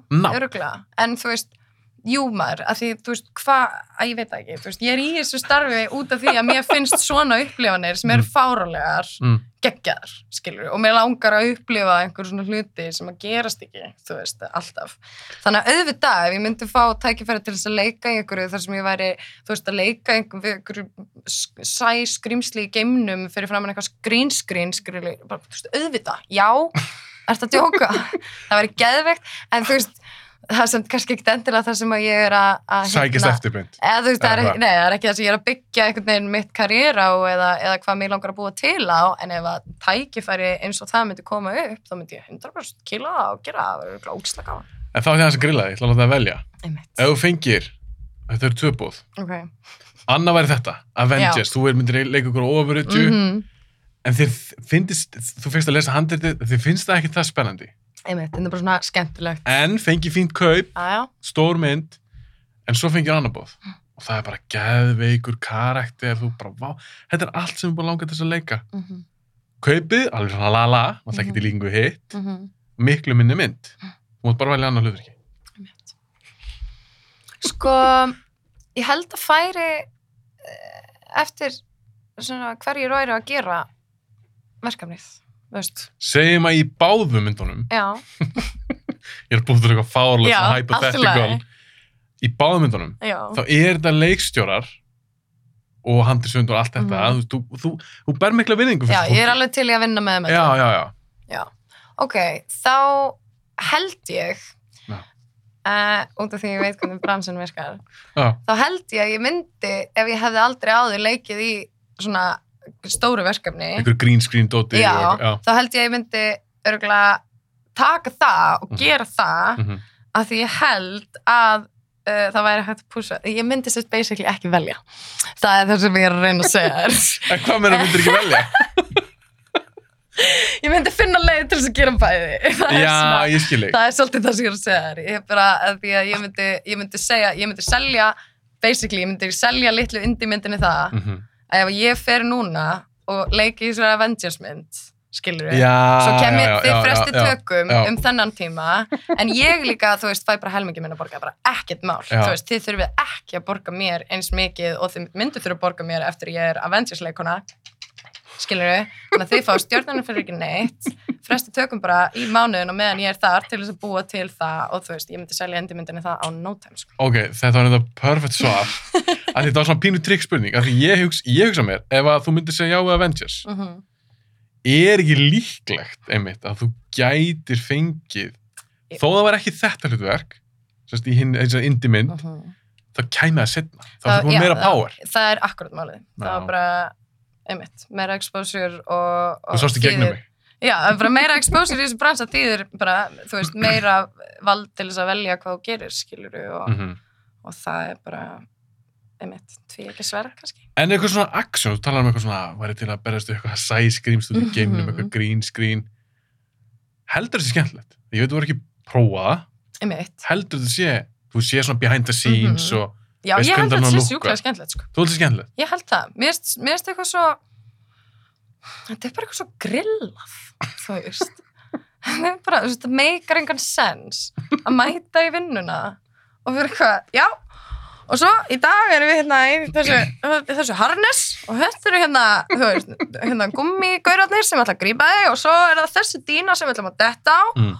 og hérna, einmitt og passa þess að að no- nota hérna vassblöðruna á réttu mómenti, já, og þú kastar henni hérna ofan í dallin, þú veist, þetta er, þetta er eitthvað svona. Og svo erum við bara, það er alltaf að gera eitthvað svona af alvöru, Já. þú veist, það er það sem er svo brilljant, það er öllum alvara, skilur það er enginn bara eitthvað, hvað erum við að gera, það, eða þú veist, jú, það kemur mjög oft upp bara eitthvað svona vákvæmt finnar aðstæður sem við erum í, Mhm. en mér finnst þetta bara svo brilljant já, mér langar að gera alla þessa hluti þú veist, mér, finnst, mér finnst það svo gaman við bíó þú veist, mér finnst alveg líka mjög spennandi að leika einhver svona realísk og skemmtlar aðstæður þú veist, eitthvað svona dramadót já, já, algjörlega þú veist, Mm. mm. ekkert að- að að nokka það neitt, Mhm. skilur en mér finnst bara, þetta er bara spennandi bara bíó, það er allt hægt einhvern veginn, Mhm. það er allt hægt sem er ekki hægt í Raunveruleikanum, og og það er bara geggja og það lítur að gaman líka fyrir því sem leikonu að gera bara allt. Fjölbreytt, drama, akkurat. green screen Já. hasar, það er svolítið pointið, eða þú veist, mér finnst það ég myndi að halda það sem leikari. Mér finnst það. Ég, ég hugsa, ég myndi vilja gera það ef ég ég, guð, þú veist, ég guður bara ekki að halda að ég sé góð leikari. ef ég kynna að leika og við hefði áhuga á því þá myndi ég vilja gera allt. Sci-fi, horror, action, Akkurat. drama. Akkurat, mér finnst það svolítið mér finnst það spennandi, þú veist, og ég held að flestir séu þar, svo er alveg alveg líka til einhver svona típur sem bara svona velja sér einhver ákveðin típu eða velja sér ákveði sjónra og eru bara ógislega góði þar og já, já, þú veist, bara nokka það ekki neitt sko, en, en hérna en mér finnst þetta svo, mér finnst þetta svo spennandi as, as, Mhm. hluti af þessu að, að þú veist, það er bara allt hægt skilur og það er bara einhvern veginn svo gaman, þú veist, það er svo alls konar einhvern veginn skemmtilegar aðstæður bara sem ég hef verið í, að því ég var að leika í einhverju bíó, Mhm. þú veist. Eins og segið, svona ákveðin svona forðindi eða bónus eða hvað það er við starfið, já, að fá að gera alls konar og fara og sumt sem að var ekkert eitthvað endilega eitthvað æðislegt þess að ég mann, þú veist að er sena í hérna snjósalumi sem að ég er að leika ólétta konu sem fær svona hormona hitakast Ha. og hún fer og leggst út í snjóin og við tekur síðan fjögur að blaðsina díalóg sena þar sem hún liggur í snjó í kulda í kuldanum. Og þetta er sko low budget bíómynd og ég er með gerfibumbu og það er snjór Já. úti á pallinu fyrir utan heima á mér þar sem við erum að taka þetta upp, alvöru snjó alvöru snjór. Og það er bara, þetta er geggjað, við bara liggjum hér eitthvað og svo er sko verið að spreyja með vatni sem er svitin. Þannig ég ligg hana í snjó ískalt. Ískalt sko. Já. og þetta var svo áhuga, þú veist þetta var til dæmis eitt af bara geggja moment, eða mér finnst það núna. Veist, þetta var mjög erfitt að því líka minn bara veist, skalf bara, mér var svo kallt að því ég bara, þú veist, var að eiga bara fjórar blaðsýður að því að tala og ég þurfti að leika eins og ég var að drepast úr hita. Uh, og það búið að spreyja með vatni sem náttúrulega kólnar strax úti, þú veist. Og hérna og já, og svo sem sagt er ég að að leika þessa senu og þetta var svo áhugavert að því ég fattaði, þú veist, þarna læriði ég bara eitthvað um sjálfa mig Mm. og um bara svona mind over matter dæmi, skilur við. já, ég skilji Þú veist, ég Mhm. lærði bara þarna að ég gat stjórna þessu. Ég held að mér væri svo kallt að ég gæti ekki hægt að skjálfa. Já. En það var ekki satt. náður að að- Ég bara stjórna á þessu Það var hægt, skilur við. Og það var ógslag áhugavert. Ekki það, þú veist, ég, man- ég var veik eftir þetta, skilur við, eftir að það tekið upp. Og ég var, já, já, ég var alveg, ég var alveg með kvef í einhver daga, skilur við. Ég myndi ekki mæla með þessu, skilur við, en bara low budget filmmaking, what are you gonna do? Mhm. Um, en hérna, en þú veist, það var, veist, þetta var samt alveg geggja moment í mínu lífi og bara svona í minni eigin einhvern veginn, Þú mútt aldrei gleyma þessu. nei, þú veist, þarna læriði ég eitthvað um sjálfa mig, eitthvað, já, einmitt, vá, ef ég bara raunverulega vil það, þá get ég bara svona yfirkomið eitthvað líkamlegt ástand í eitthvað ákveðin tíma, þú veist. Það sem Þú veist, það er hægt, þú veist, það er hægt að finna bara innum með sér, allavega á þeim tímapunktum sem ég var þarna, ég var alls ekkert Mhm. eitthvað orðin blá, skiluru, Nei, ég veit að það er að deyja. Nei, nei, en þú veist, ég, ég held að væri orðið það kallt og svo fattaði ég að ég, þú veist, var gat breytti hvernig ég væri að horfa á það og róa mig niður, þú veist, og kom mér í eitthvað svona rólegt ástand og mjög áhugavert að læra það, skilur við. En þú sagðir eins og áðan, þú veist, því var spennandi að fara á jökul, aldrei fara á jökul. Mm -hmm. Mynda einhvern tíma stoppa þig sem þú fengir eitthvað handrit, þú fengir eitthvað hlutverk og þú ert bara að opna handritið og bara fyrstu blasju, það stendur bara frumskór mhm. eða eyðimörk eða eitthvað. Mynda einhvern tíma stoppa þig, þetta er þess að tekið upp á location. einmitt. Mynda ekkert að stoppa þig, myndir þú bara, ah, ég get þetta ekki. Sko, nei, ég held ekki, Þú sko. ert ekki hrættur eins svona, Mm, verið frumskóið með einhvern pöttum og einhvern drasli. Nei, eða þú veist, jú, jú, skilur við, en hræðslur eru bara til þess að feysa þær og komast yfir þær og, og þú veist, allt svona sem að, eða þú veist, vekum manni eitthvað svona, hú, hú, þú veist, það er einmitt eitthvað sem maður ætti kannski að skoða eins frekar og nei, þú veist, það er bara einhvern veginn, það, ég held að ég væri bara til í svona Allt cirka bara. flest, sko, sko, það er eitt sem að hérna, kærasta mér langar allavega að gera sem að ég, ég held að ég væri ekki til í en því meira sem ég hugsa um það þeim finnst mér alveg áhugaverð pæling En- stökk. Nei, það- það- þetta er hellara sko, hann er svo skútukall Ah, og hann langar að sagt, uh, sigla á Suðupólinn, Ah, held ég. ah. Rétt áður en það fristir allt og frist, frostna inni og eigða sem sagt þrem mánuðum bara á ísnum. Og ég myndi spyrja hann eitthvað, kom ekki íspinnir og hann eitthvað, jú. Og ég eitthvað og hvað gerir maður í því? Og hann bara, maður er með byssu ég eitthvað. Já, einmitt.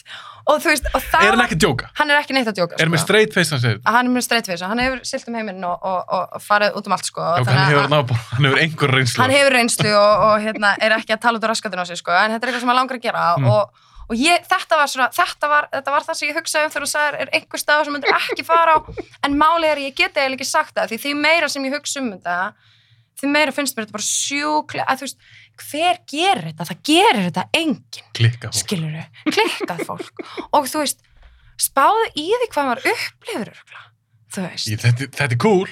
ég bara Á papirum, skilur við. Já, þetta er auðvitað fuck shit erfitt, sko. En ég held án djóks, eða þú veist, ég, ég held að maður græði bara á öllum svona upplöfunum, sko. Og ef maður getur þetta að, akkur ekki að gera það, skilur við. En hvað, ok, segjum að þið myndi gera þetta. Og þú veistu það, mér þetta mjög fyndi, Ég myndi náttúrulega taka það upp, sko, ekki að heimundum myndi það. segjum þetta tvö ár og ég sé okkur að frétt. Af því að við farið að það. Hva, hvað er planið? Hvað ætlaði að gera?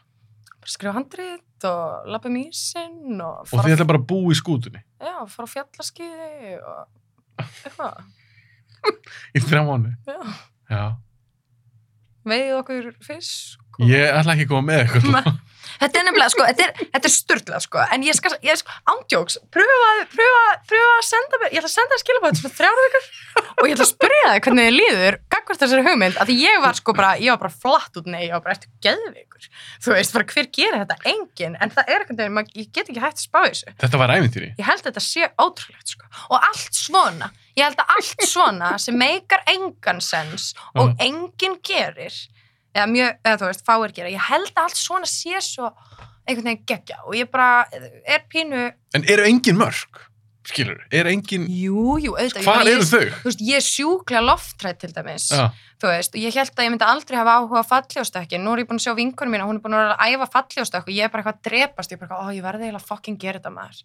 Já, þið langar þess að gera það. Já, mér langar að gera þetta, því ég held bara, ég held að þú gerir þetta bara tíu sinum, þá hættur þú að vera hrættur, maður venst öllu, sko, þú veist. En ámar að venast þessu. Já, þú veist, ég veit ekki, af hverju ekki, skilur, ég er lifandi, ég var alveg til dáið.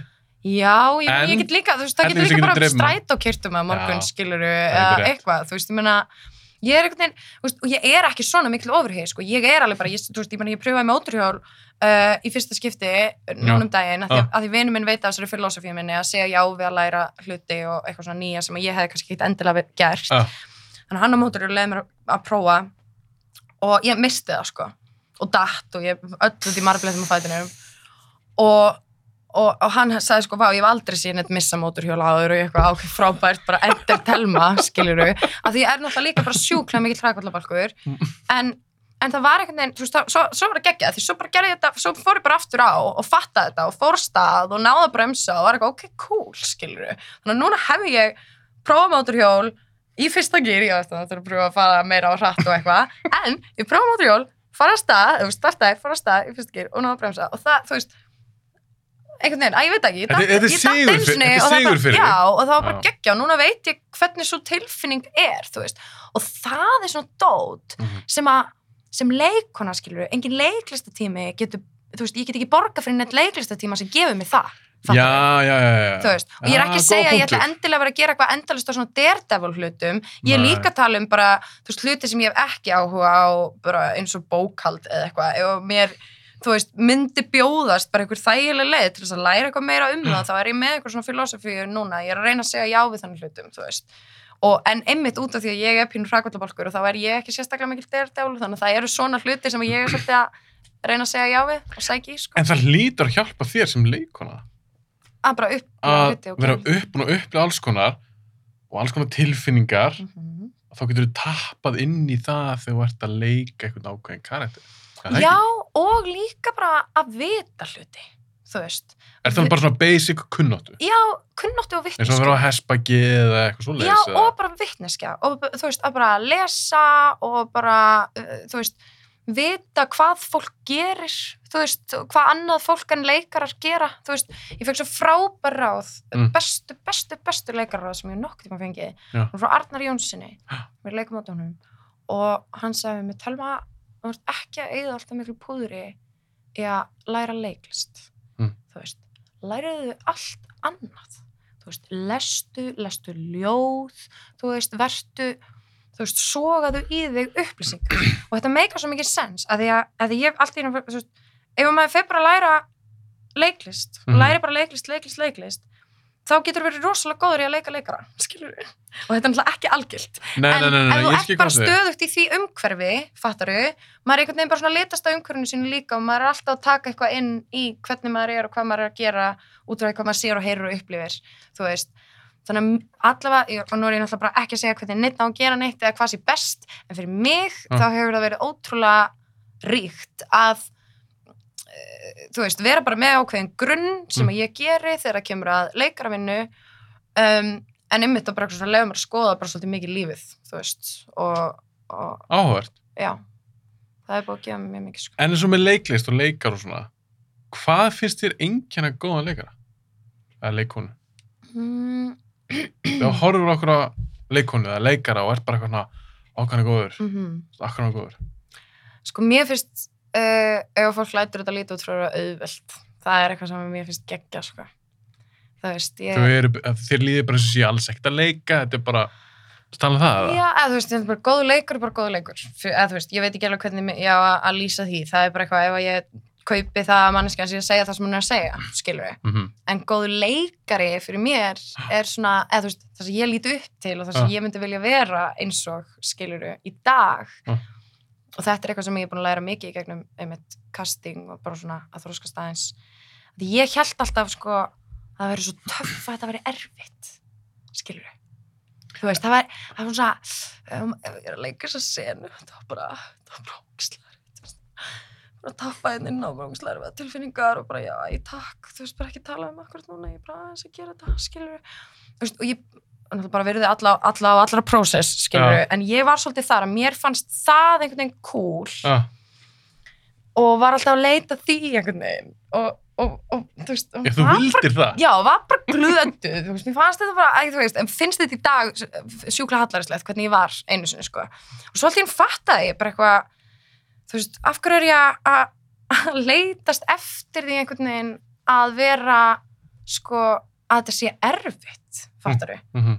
ef ég er góð í því sem ég geri þá er það ekkert mál, skilur, þá er það easy Mhm. en þannig þannig að ég er svona, er, er svona það er það sem mér finnst töff, þegar ég sé einhverja leikara skilur koma inn og gera eitthvað sem er erfitt Mhm. fattur en það er bara ekkert mál, þú veist, þau bara gera það, skilur það er ekkert mál fyrir þau, þau eru bara góð í því sem þau gera bara skila þessu, skilur og það er svona veist, það er það sem að mér finnst vera svona góður leikari, þú veist, þegar einhver er bara góður í starfinu sínu, veit það en þú veist hérna, og virka bara létt og já, þú veist ef þetta var erfitt, þá er það kannski ekki eitthvað að, að, að deila því alltaf mikið, það er bara þeirra skilur, bara þeirra vinna, þeirra starf og bara svona en hvað finnst þér um svona method leikara eins og Daniel Day-Lewis hann er eitthvað svona mm, hann leikur kannski og hann var hann var svona, hvað, svona butcher í Mhm. Gangs of New York slátarar eða svona mhm, og hann, þá bara vann hann held ég bara í einhvern veginn þannig hús Mhm. mm sláturhúsi og ekstrím Já. hvað finnst þér svo leiðis? ég er svona, ég er mjög mikið meðalhósmanniska Ah, um, mér finnst þetta alveg sniðut upp á þessu marki, mm skilur eins og ég er búin að segja, mér finnst ótrúlega sniðut að sækja sér alls konar vittnesku þekkingu já, og, bara, og sjá að finna hvernig hlutir eru þú veist, það er alveg eitthvað að vera inn í einhverjum aðstæðum og svona, mm, ok, þá bara finnir maður einhverja lykt og bara alls konar sem að móta einhvern, einhvern veruleika sem þú skinnjar og getur þá kannski miðlað einhvern veginn.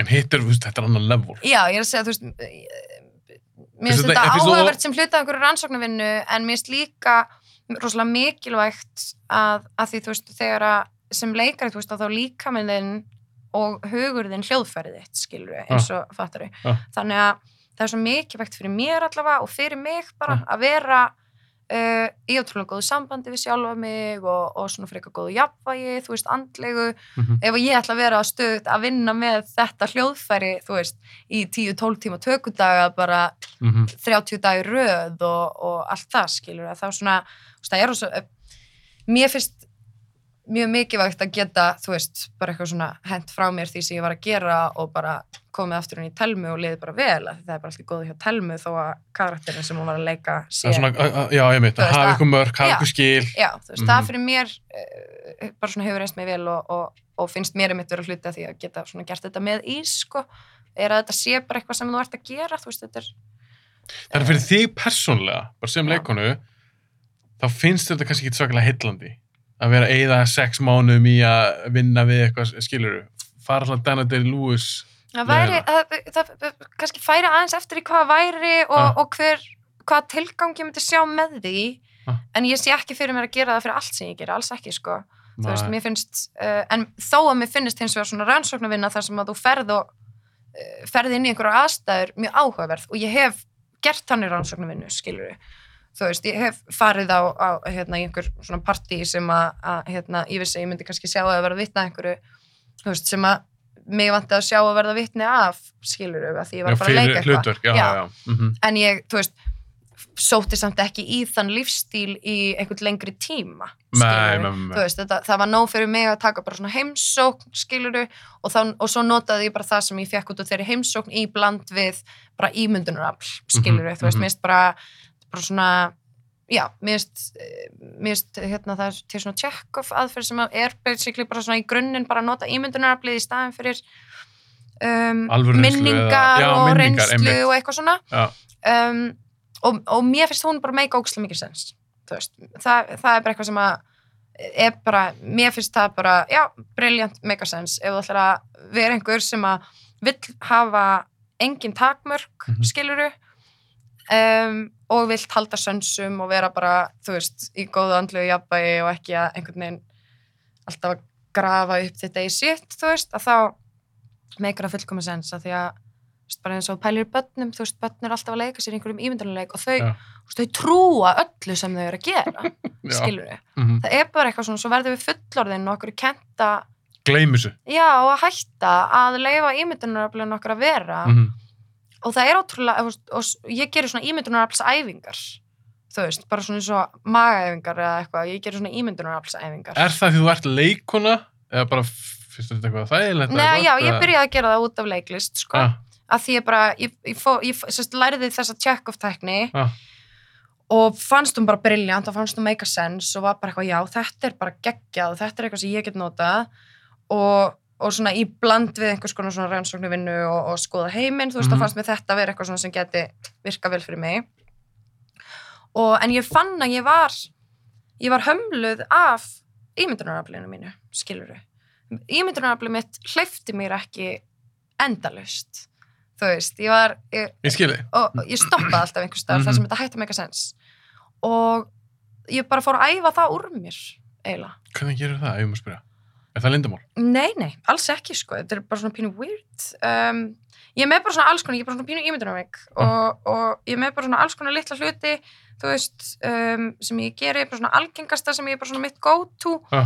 er að þú veist uh, hérna, basically á svona yfirleitt byrja ég á einhverju litlu ég stækka það, skilur við og ef ég er alveg hugmyndasnauð og ég veit ekki hvað ég ætla að gera Mm. að þá byrja ég yfirleitt á bara einhverju svona litlu, hérna, litlum græðling þú veist, að, að hérna, byrja að vaksa upp úr jörðinni þarna, skilur og það er bara svona, það er útrúlega mikilvægt að pæla svolítið í dítelum, skilur og ég spái í því bara eitthvað svona, ok, hann er að koma þarna upp á milli, þú veist, það sem teppið er svona og í sundur, þá kemur svo lítill græðlingur, það er svona tvö lauf á honum, þú veist, í svona sikkvara áttina og svo á milli að koma svo tvö önnur lítil og hann er að stækka, þú veist, og hann er að stækka alveg metraða, skilur og hann stækkar hans meira og ég finn svona styrkurinn er að verða svona stálpari og þetta er alveg að koma upp og það er alveg að koma, þú veist, alveg fleiri laufblöð allstaðar út og þetta er að stækka, þetta er að verða svona svo lítið blóm þú veist, og svo allt inn er ég komið með bara, þú veist, stór laufblöð sem eru farin að svona, þú veist, að drúpa undan bara svona sín megin þunga en það eru samt líka alltaf að bætast við svona lítið laufblöð út um allt og svo sé ég að styrkurinn er farin að dökna eins,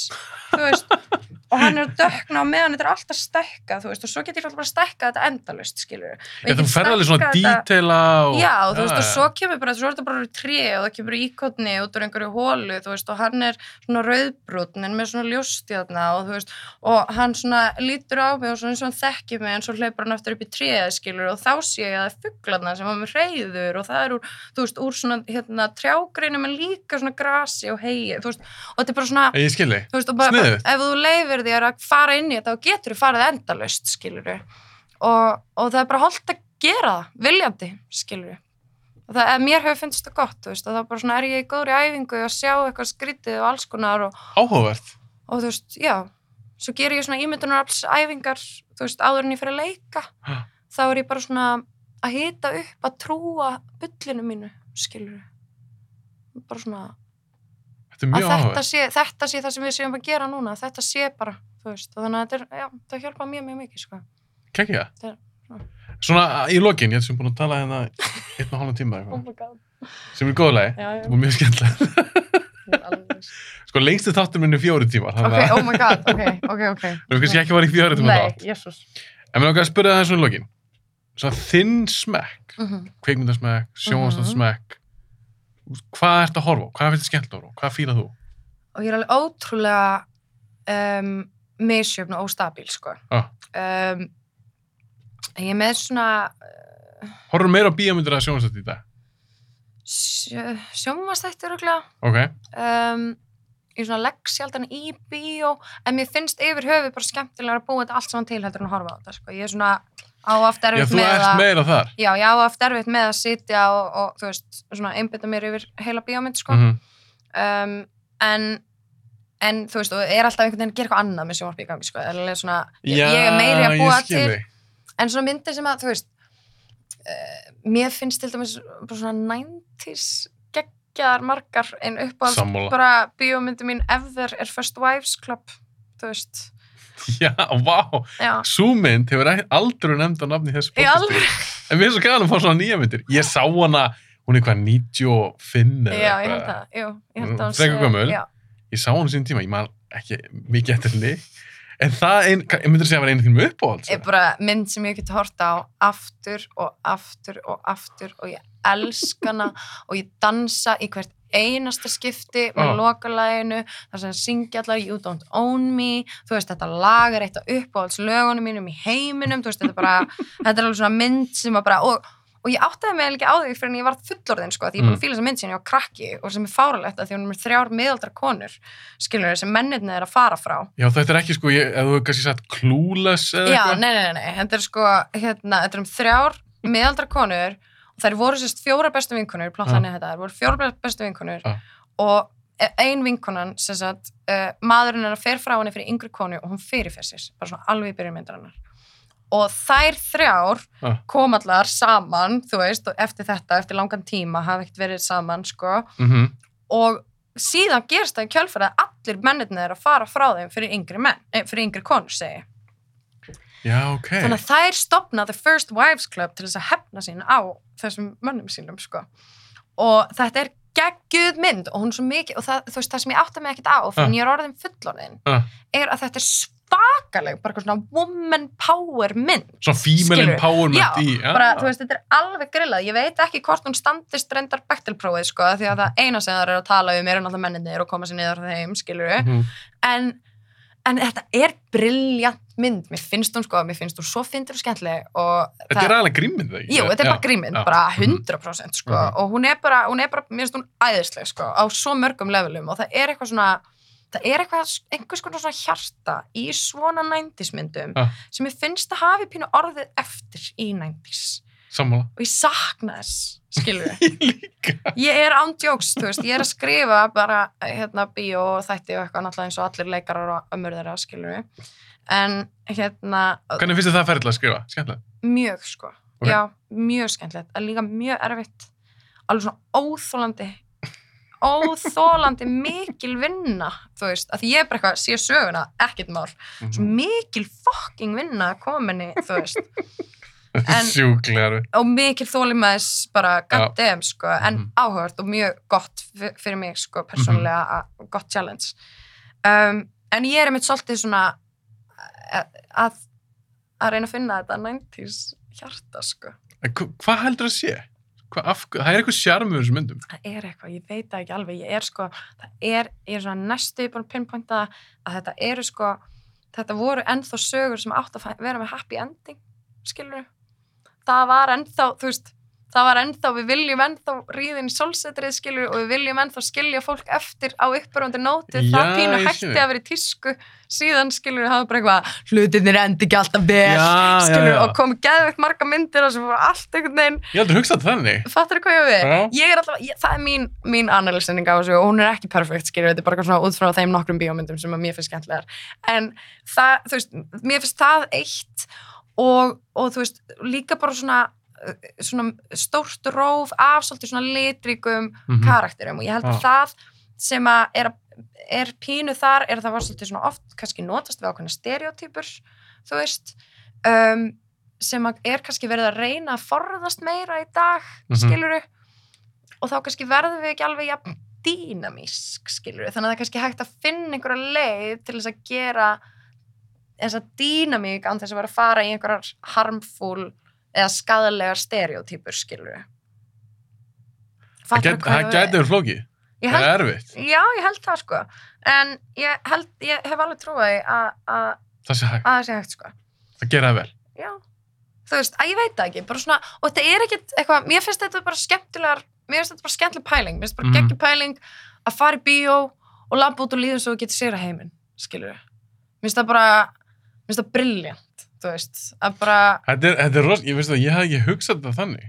Þetta er alveg... en þannig liður mann eftir svona 90s, maður er bara eitthvað ó, bara, veistu, ég bara ég ætla bara að kýla á þetta, ég ætla bara að senda hann helvitspost sem ég voru að býja með, bara, ég ætla bara að gera þetta, mér líður bara vel, þú veist, þetta er eitthvað svona Já, því ég sem bara hugsa um, ef við tökum bara einhverja basic hasarmynd, þá enda hann oftast vel. já, Hetjan sigrar og mm mhm. dreipur skúrkin eða hvernig það er. parentrap, skilur við, alls, alls svona myndir, það var hinn uppáhaldsmyndi mín, það var svona krakka og svo kom First Wives Club og tók við og ég áttaði mig ekki á því fyrir var fullorinn og komin í kvikmyndagerðina, þetta er bæði bara eitthvað, allt er allt konur í aðalhuturkmann allstaðar, þú veist Er- það- er- ó, cool, Er, er það eitthvað sem að, eins og þú segir, þú tókst eftir þessu aðeins sittna, já, þegar ég fór að pæli því.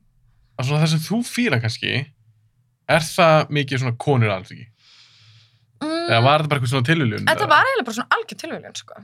Þú veist, eða, ég, eða samt síðan held ég ekki, fattur Nei, hvað ég á við, ég held ég hafi grafið þetta aðeins að því ég tengi við þetta að einhverju leiti betur heldur en annar. að það sé bara mjög eðlilegt. Já, Já.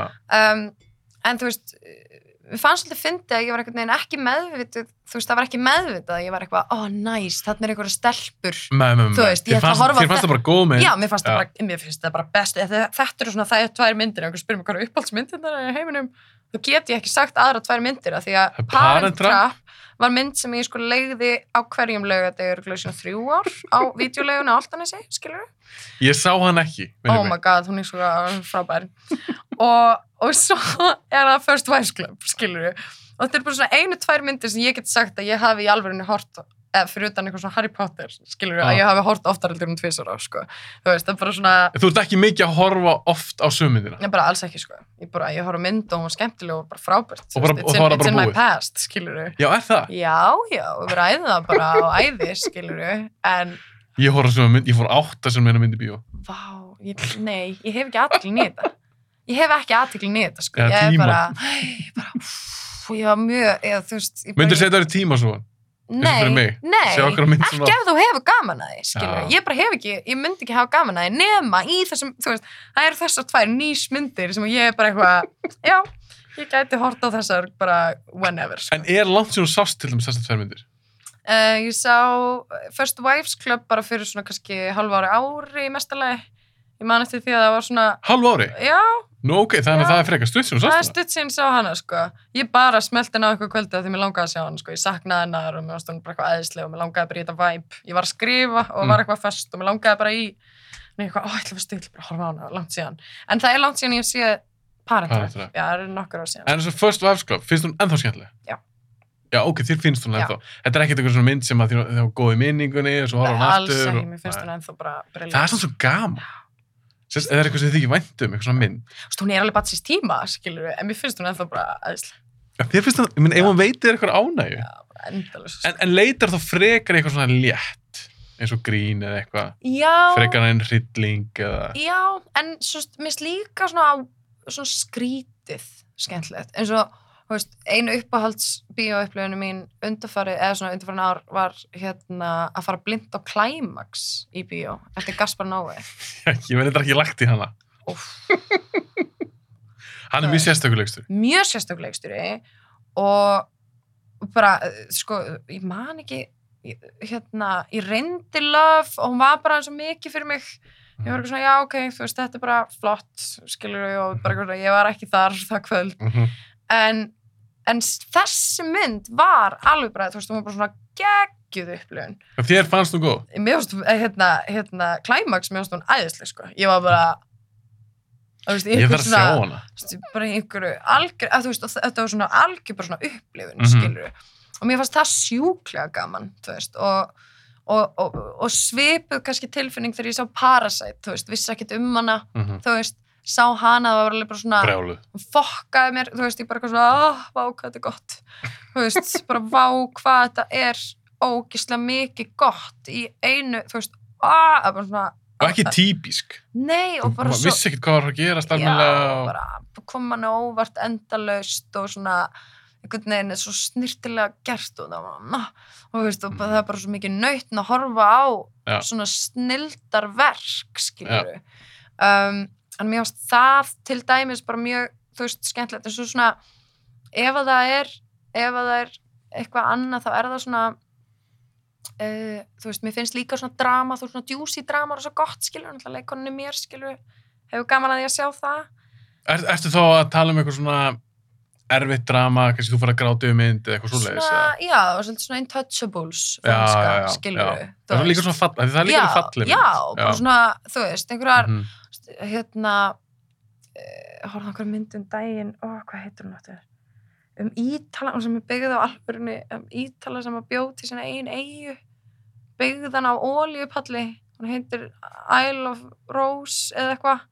Ég veit ekki hvað með það. ó, sko, geggjuð, skilur við, bara eitthvað svona, svona, mér finnst þannig myndir líka mjög skemmtilega, myndir um, eða svona byggðar á einhverjum atbyrðum sem eru ótrúlegir uh, oft, hérna, ná mér svolítið vel, sko. Þannig að þú ert alveg opið fyrir alls konar henni. Já, ég er Það algjör, algjör alveg þetta, já, já, já, bara ef, þetta er eitthvað gott, skilur En hryllingur, Já, mér finnst hryllingur mjög skemmtilegur, sko. ah, verður þú hrætt?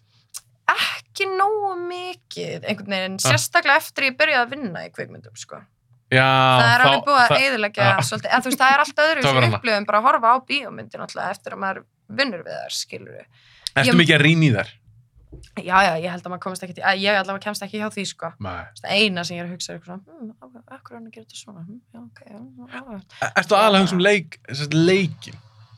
Þetta er glugginn lókast ekki að það.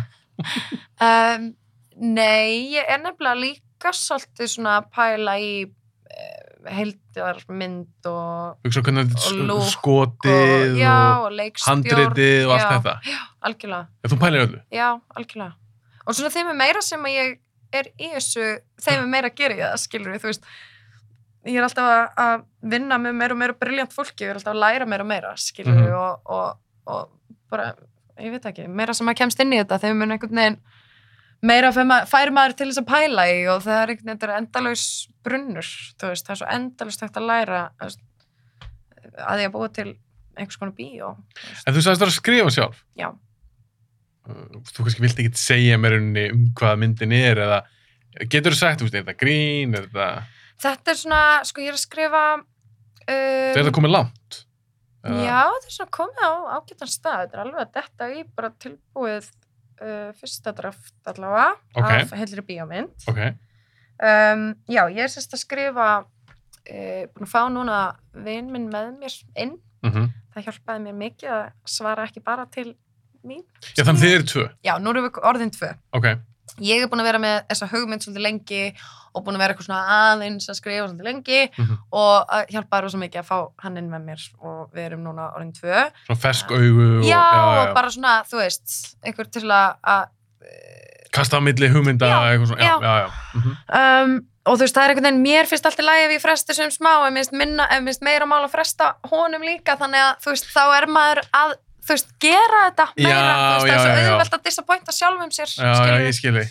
þannig að, að, hérna, en já, þannig að við erum að skrifa þetta, þetta er svona, uh, þetta er eiginlega bara svona, ef að það væri, ef að það kæmi einhvers konar svona bylting á Íslandi eða í Reykjavík, hvernig myndi það líti út? Nú, þetta er eitthvað svoleiðis. Já, Ok, svolítið svona það er svolítið cool. verkalýðs, uh, Þetta er eitthvað svona alveg, veist, er eitthvað hasar í þessu og eitthvað smá svona, já, verkalýðs, baráttu, átök og eitthvað. sosialískur áráður, uh, dæmi, sko. Spennandi. Já, mér finnst það. En mér finnst þetta svolítið, að þú veist, já, mér finnst þetta að var svona, grunnurinn að þessu hugmynd var í rauninni, hérna, hvað við erum, við erum svo kurtist samfélag, sko. Ah, Þú veist, Þessi alltaf, Íslendingar. já, Íslendingar, skiluru, alltaf kom upp einhver svona skandalar og svo gerist aldrei neitt, skiluru, að því við erum alltaf kurtis til þess að, að Já, við erum svo lítið samfélag. Já, við erum svo lítið Mhm. samfélag, við erum alltaf kurtis þannig að, hérna og þú veist, og ég, fó, ég fór eitthvað svona spá í sér í bjó nefnilega Erlendis Já, og var að sjá til dæmis mótmæli bjó í París, Ah. þú veist, að sjá mótmæli í París sem bara, er það ekki kveiki, ó, kveiki já, maður- akkurat, maður alveg, ó ok, ég skil. Þetta er að eitthvað, þetta er, þetta er ef líðurinn stendur upp, þetta er ástæðan fyrir því að stjórnvöld halda fólki góðu og gefa þeim þessu byggjum að því að, veist, að þau eru miklu fleiri, skilur við, það er bara raunverulegt, skilur við, Mhm. svona, og sjá það, fattaru, og að sjá svo klausturmálið, fattaru, gerast, og ekki einn segja af sér, ekki einn, einu sinni sko veltaði fyrir sér, heldur að sko afleitt hugmynd, er auðvitað ætla ég ekki að segja af mér að því ég var fullur á barnum á vinnutíma eru þið eitthvað geðveikt er skilur, það var viðmótið skilur, og mér fannst þetta svo magna ég var, svona, ég var að velta þessu fyrir mér ég var eitthvað svona, hvernig myndi það að líta út í þessu samfélagi að einhvers konar bylting? Hvað myndi gerast, skilur og Þú það varst að selja mér þessa mynd, sko. já, það sparkaði þessari hugmynd sko. Þetta er þannig ég er að geggja. skrifa það Já. En sérðu fyrir þegar þú skrifa um núna, er þetta fyrsta sem þú skrifar það? Já, nei, að þú veist, ég hef skrifað stuttmyndir og svona, þetta er fyrsta eitthvað í fullri lengt sem ég skrifa, já. Sérðu fyrir eitthvað svona að þú leikir eitthvað hlutur? Já, já, auðvitað. Já, ok. Aðlut ekki. ok. That's the point. Skilur við? þú varst að þetta fyrir því sjálf. Já, já, já, Ok, auðvitað. ok. Bara, Þú varst að búa til eitthvað juicy karakter fyrir já, því. auðvitað. Ok. Það er bara, já, klálega. Ég var bara eitthvað, það var geggja kúl. En að því þú ert líka að vinna í casting, já, ertu þá kannski ósarjótt sérðu fyrir eitthvað ákveðna leikar í eitthvað ákveðna hlutur? Já, já, 100% sko. Er það kostur að galli? Ég held að það sé bara kostur. Ok.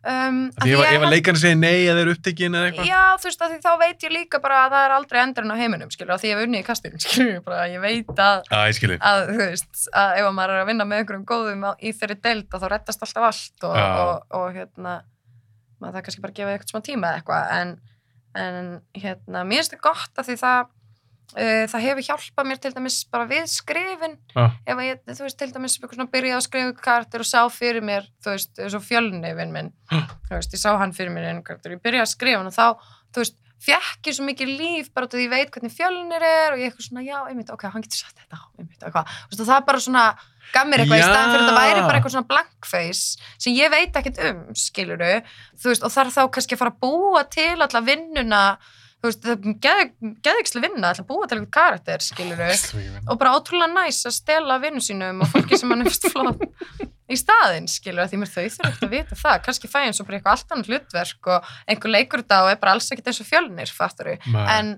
Þetta hjálpaður í skrifunum. já, algjörlega, en mér finnst það. Svona, hefur hjálpað mér sko. Ég held að rosalega margir gerir þetta. Og er ekki trættið á vikina, þessi karakter, ég byggði hann á gamla kennarunum Mhm. mínum eða eitthvað. einmitt, þetta er svona og einmitt er svo, hérna Eden, þú veist, ég var að segja það áðan, ekki, Mhm. áður en að Jú, allt fyrir gang Við vorum aðeins að tala saman á að Já. við byrjum að taka upp. að hérna, þar er ég náttúrulega eh, sko snóðuð Já. en ég var náttúrulega búin að snóða mig sem hana, fyrir það og Mhm. þá sem sagt uh, leikstjóri Eden sem ég svona þekkti bara lítilega snævar Mhm. Hann sá sérst bara mynda mér á Facebook snóðari og ég fekk símtal eftir það Mm. og hæ, uh, þetta er snævar þekkir þú snævar af því að hann hljóma Nei, ég- alltaf ég- eins og hann sé svona 70 kall en hann geggjaður sko Ég vona hann horfa hann þátt. já, örgulega Ok, hann hljómar þessu 70 hann kall. eins og svona 70 kallmaður af því hann tala bara þannig Já. og það er ótrúlega fyndið af því hann er bara í 30 líkama skilur og það er bara svo dásanlega blanda Er hann gömur sál? Ótrúlega gömul sál og alveg bara hann er eld, eld gömul sál og hann gerir það best af öllum sem ég þekki sko. og Hann ber það vel. hann ber það svo ótrúlega vel og mér þykir svo væntum hann, mér finnst svo fyndið. Ég lagt að leita hann. að bara, já, algjörlega, þetta er að ég bara skilja hvað um, en hann sem sagt, já, já, uh, Telma ég hérna uh, vildi, að- manstu eftir mér? Ég hérna var uh, að leikstýra Albatross, ég, já, þetta mann ég eftir þér, allt í góðu bara, hérna, hvað segiru já, ég hérna uh, sá á Facebook uh, nú er þetta kannski svolítið uh, skrítin spurning en ert þú snóðuð? Já, ég er snóðuð var það, þú veist, ég er með svona sentimetra ára eitthvað. Já, ok, frábært. Ég hérna uh, nefnilega sá þessa mynd og veistu, mér bara datt í hug, ég var með svona hugmynd sem að ég sá þessa mynd og mér datt í hug þessi karakter og ég bara dróð þessa hugmynd upp úr skuffu og ég bara búin að skrifa og ég bara komið með svona byrjun af handriti. Ah. Ég eitthvað, já, geggja. Já, og uh, ég svo sá fyrir mér þennan karakter, sko, svo snóða og ég var svona spá hvort að þú vildi vera með í þessu og ég bara, já, geðveikt, þú veist, og, og það, þar byrjuðum við að, að vinna að etin í rauninni, sko. Hann hljóma mjög samt, hann er mjög kurteis og alveg bara geggjaður, sko. En þetta, og þú veist, hann sendi mig bara þetta kvöld, held ég, það sem hann var búinn að skrifa, sem var kannski svona einn fjórði inn í handrit, sko. Já, ok. mjög skemmtilegt, sko. En ég, við langar svo að fá snævar. Já, Til að fá hann einhvern, einhvern daginn. Þá verði ég búin að sjá Edun. já. Það bara kemur ekki hann til greina. Þannig að Sjá. ég byrst forláts að hafa ekki búin að sjá hann á hann í hitt. Nei, ég, ve ég veit ekki hvort, hvað, það er örgulega eitthvað svona vott. Sko, málega ég ætla að reyna að vera sniður og getur verið um sér sjónvarp símans, premium. Getur verið. En það er ekki komið í gang hjá mér. Eitthvað svona, ég er ekki með Mm, eitthvað. einmitt. Herðu, það er búið að svissa, ég segi fréttir. Það er verið að breyta þessu, þannig að það þarf ekki myndlikil. Nei, málega er, ég er með Apple TV. Já. Þú átti ekki að horta á það að gera með Já. Apple TV. En konan sem ég talaði við hjá símanum, hún sagði að þú fyrir senda einhvern svona kóða. Mm, Ég fá hann. mm, ég skil. Klúður. Tæknilegt, tæknilegt issues. Reyna að þeirra örðuleika. Já, einmitt. En það verður svona gana að hitta hann. Já, Þá er ég búin að hitta þig, einmitt. Snævar, þá er ég búin að sjá þetta. Já. En ég vil bara þakka kjærlega fyrir að hafa komið. Já, bara takk fyrir mig. Þetta er búin hrigalega skemmtilegt. og gaman ekki að fá að því ég var aldrei fengið einhvern sem er eitthvað svona í kasting. Einmitt. Það var virkilega hóver. Takk fyrir það.